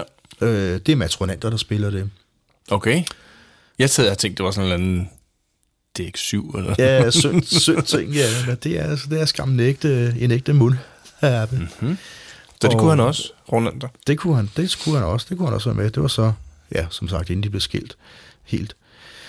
Øh, og kor, koret på det nummer, det er så Hanne Bol, skriver han videre. Øh, Hanne Bol, Thomas Helmi og Stig Kreuzfeldt. Jeg vidste godt, Thomas Helmi øh, og Stig, de sang kor på den. Det, det kan man tydeligt høre, synes jeg. Ja, i hvert fald Helmi kan man i hvert fald ja. meget tydeligt høre. Ja. Ja, fed, hans fede stemme der. Men øh, Hanne Bol var med også. ja. Så øh, jeg var jo helt oppe at ringe over, at øh, selveste Stig Kreuzfeldt, han, øh, han i gåsøjne nedværdiger sig til at, at skrive tilbage, men øh, det kan være, at han tænker, hvor er det dejligt, der er andre, der også interesserer sig for musikken, og Er der andre nørder i musikken huset? er jo, ja, musik er jo bare dejligt, ikke? Og, Ja. Altså, Fedt, tak Stig. Det Ja. var dejligt, du lige skrev. og jeg har fået lov til at citere, øh, ja, Ja. kreditere ham for hans udtalelse. Fedt. Så igen, ja. Tusind tak til RK-teamet. Øhm, hvad kan man sige ellers om det nummer her? Altså udover at jeg bare er helt pjattet med det, så øhm, albumet Sande, det er årets mest al- solgte album i Danmark. Øh, faktisk indtil 2007 kun overgået af Kim Larsens Midt om natten. Mm. Og øh, det røg direkte ind som nummer et i Sverige. Oh, Ja, vist. Og øh, så solgte det 600.000 kopier i Skandinavien. Altså fysiske kopier, ikke øh, downloads og hvad det hedder i dag. eller brændte kopier. Og, og sikkert også et par brændte kopier, men dem solgte de så ikke dem. ja, det ved man aldrig. Nej, nogen har nok taget penge for dem. Øh, det er faktisk lidt sjovt, at øh, når det sælger, som det gør, øh, så set i forhold til indbyggere, så har det solgt mere, end Michael Jackson har solgt i USA. Men Ja, ja, skal det så siges, men nu er der så også 360-65 millioner i, i USA, ikke? Ja. Men øh, alligevel et sådan perspektiv, og i satte perspektiv og i procenter og, og noget. Så Og med forbehold for influenza og det hele. Influenza og piratkopiering og øh, sindssyge amerikanske præsidenter. Øhm, der synes jeg, det er... Ja. Du er sgu sej, Sande. ja. Danmarks rockmammer. Men man kan sige, hvis hun også begynder at slå igennem i, i Sverige, Mm. Så er der også en noget større marked der. Ja. Øh, ja, går ind som nummer et i, i, et andet land. Jeg ved godt, det er nabolandet, men, men alligevel... og hendes Altså, mand er svensker. Det gør det nok heller ikke dårligere. Nej, det har nok også noget at sige. Så øhm, det var faktisk, hvad jeg havde at, at berette om det fantastiske okay. nummer. Jeg var vildt benår over det der, at du fik svar fra Stig Grøsfeldt. Det er jeg altså også, og jeg, jeg Det synes jeg dybt er- taknemmelig, øh, fordi jeg var, jeg var virkelig på, altså jeg, jeg kunne intet finde om det, og, og jeg synes ikke bare, at jeg vil sidde og, og finde på et eller andet, øh, og jeg, jeg, musikvideoen kunne jeg ikke finde, øh, og, og, og, og eventuelt se, om de havde brugt nogle instrumenter, der, øh, men det, igen, det kan jo være, de kunne stå med et, øh, ja, en obo, altså... Men, men, men det var simpelthen bare sampler, han havde brugt. Der var Ja. ikke, øh, og så har han modificeret lydene på ja. både trommer og det ene. Ja, hvor han har samlet dem fra, det, det, det, ja men det kan jo, så ikke det kan også altså. være nogle eksisterende lyde, som mm. han har modificeret. Ja. Eller et eller andet, der kan lave noget filter på. Og han har siddet og hygget sig med sine fire fede sampler i 1989. Altså. Åh, jeg vil gerne, fede studie. I mit næste liv, så vil jeg altså være fluen på væggen i, i sådan et lydstudie. Altså, Sweet Ja, silence. Du går tilbage i tiden. det vil jeg simpelthen. Altså. Men øhm, Jeg vil jo gerne være, være ham, der, der laver kraft til, til Volbeat næste gang, de skal indspille et album. Det, for eksempel. Det synes jeg bare, du skal prøve at høre, om ikke... Jeg skriver sgu til Michael. Du bor lige ved siden af ham. Ja, kan det være, jeg kan gå op Living next door to Michael. hej Michael. Men der var en ting, jeg faldt over Mhm. i, i det, du snakkede om. det gjorde ikke ondt. Øh, Jeg synes, du omtalte øh, Thomas Helmi rigtig meget. Var han sådan øh, meget med i alt, hvad Sanne havde gang i? Eller var det bare lige i den plade der? Jeg tror i, altså i, jeg kan ikke huske, hvornår brudet med, med, med, med Søs, altså han bliver jo gift med, med Søs i hvad, øh, 5, 6 og 80, så, så hurtigt jeg visker. Og de går så fra hinanden igen, øh, det skilte par år efter. Ja, men, men grunden til, at jeg spørger, det er fordi, jeg er faldet over nu. Altså, nu ved jeg godt, at det er jo langt fra alt, der er sandt, øh, hvad du finder på nettet. Og Det tror jeg i, ikke, du skal regne med. På et tidspunkt i X-Factor, altså første afsnit, Nå, ja. øh, hvor, øh, hvor Sanne var med, Ja, tænker du på den kære Blackman? hvor Blackman han sådan lige tager mod til sig, og så spørger han simpelthen Sanne direkte, øh, har du egentlig knaldet med Thomas Helmi? Mm. Dybt indiskret, som manden er, ikke? Ja, ja. Øh, Der har været skrevet rigtig meget og snakket meget om, om, om lige netop det. Ja, og, og det kan godt være, det var et meget upasset spørgsmål, men altså, ja. Det der skete, øh, så vidt jeg husker, det var, at der, sådan, der blev meget tavst, Mm, og så begyndte Sanne bare at grine. ja. Og øh, nå, så må der være en sandsynlighed for det, sagde han så. øh, Det var hans men, men. Sanne svarede stadigvæk, og, og, og, og hun havde lidt, lidt svært ved at holde pokerfjæset, og så siger mm. hun bare, øh, du er uartig. Ja. så sagde hun så, Unge mand. 80'erne var skønne, skat. og vi havde travlt med alt muligt. øh, måske også alt øh, andet end det, vi måske skulle have haft travlt med. Nå ja. så, så man kan sige, hun, øh, hun afviser det jo ikke. Nej, nej. Det skal man heller ikke. Nej, og... Eller hun, hun behøver ikke. Men, men øh, når man så, når så Thomas Helmig bliver spurgt, mm. så siger han bare, han, han griner bare lidt af det og siger, vi er rigtig gode venner, og det har vi altid været, ikke? Og, ja. og, og det er sådan set, som det er, siger han så. Mm. Øh, inden hans telefonforbindelse pludselig kappes. Det er sådan, når René, hun går hen og lægger røret på. ja, det kan godt være, at det var hende. det ved man aldrig. Så, men altså, det lyder da altså meget plausibelt. At, øh, hvad fanden, der skete mange ting i 80'erne. Ja, det ved altså. vi selv, ikke? Der skete jo mange ting i 80'erne. Nej, jeg, jeg, ved, jeg ved det sgu ikke. Altså, Ja, jeg det er jo, det- altså, men i bund og grund er det også fuldstændig ligegyldigt. Ja. Det var bare lige en historie, jeg faldt over flere gange. Jamen, det er rigtigt. Ja, og den, den, den, den er, kommer op og vende. Øh, Ja. kommer lidt, den kommer tilbage, ligesom en jo. Ja. Øh, Og det kan måske også være, at det, den er meget, ja, det måske er lidt prekær. Uh, måske i, i Thomas' situation, hvis han ikke var single på det tidspunkt. Det ved man ikke rigtigt. jo. Det, kan jo, det er måske ikke så sjovt, Nej. at man bliver ved med at tage det op. Så undskyld, Nej. det var ikke planen at, at, at gøre noget dårligt. Det rager heller ikke os. Nej. Det må folk skulle selv om, hvad de render og laver. Nå, I den grad. bortset fra det. Så, Bliver det øh, lummert? Puha. Ja, men det var, jeg er stadigvæk helt op over, at du har fået et svar fra, fra Hvem ved, hvem, hvem ved, hvad det her det kan udvikle sig til? ja, det er måske starten på et nyt venskab. Man Ja. ved aldrig. Det kunne være rigtig fedt. Det var måske det. Det var simpelthen det. Det var simpelthen uh, episode 4 Attractor. øh, af Track Talk, ja. Og, Danske sangerinder. Ja. Jeg, Og- har, jeg synes, jeg har lært rigtig meget med, det må jeg altså sige om, om, øh, da, om Oland. Ja. Øh, Jamen, det har jeg også selv, og jeg synes også, det er fedt at dykke ned i sådan et gammelt nummer, som man kender rigtig godt. Mm. Og så lige få sat lidt, lidt andre ord på det. Et andet perspektiv. Ja. Altså, ja.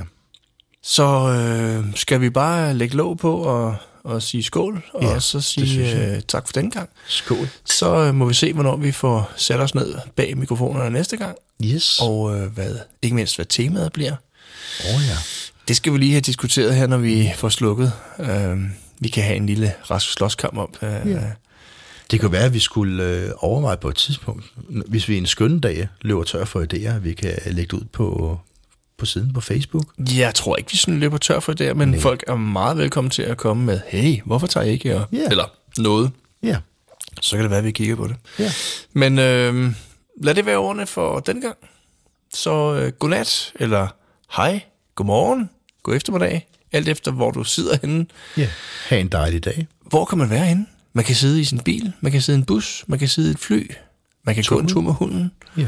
Gå en tur alene. Ja, eller bare gå ned og, og kigge skummelt rundt ned i supermarkedet, mens man lytter til det her. Frugt og grønt. Så derfor må vi hellere slutte nu. tak for den gang. Tak for den gang. Hej då! Hej hej.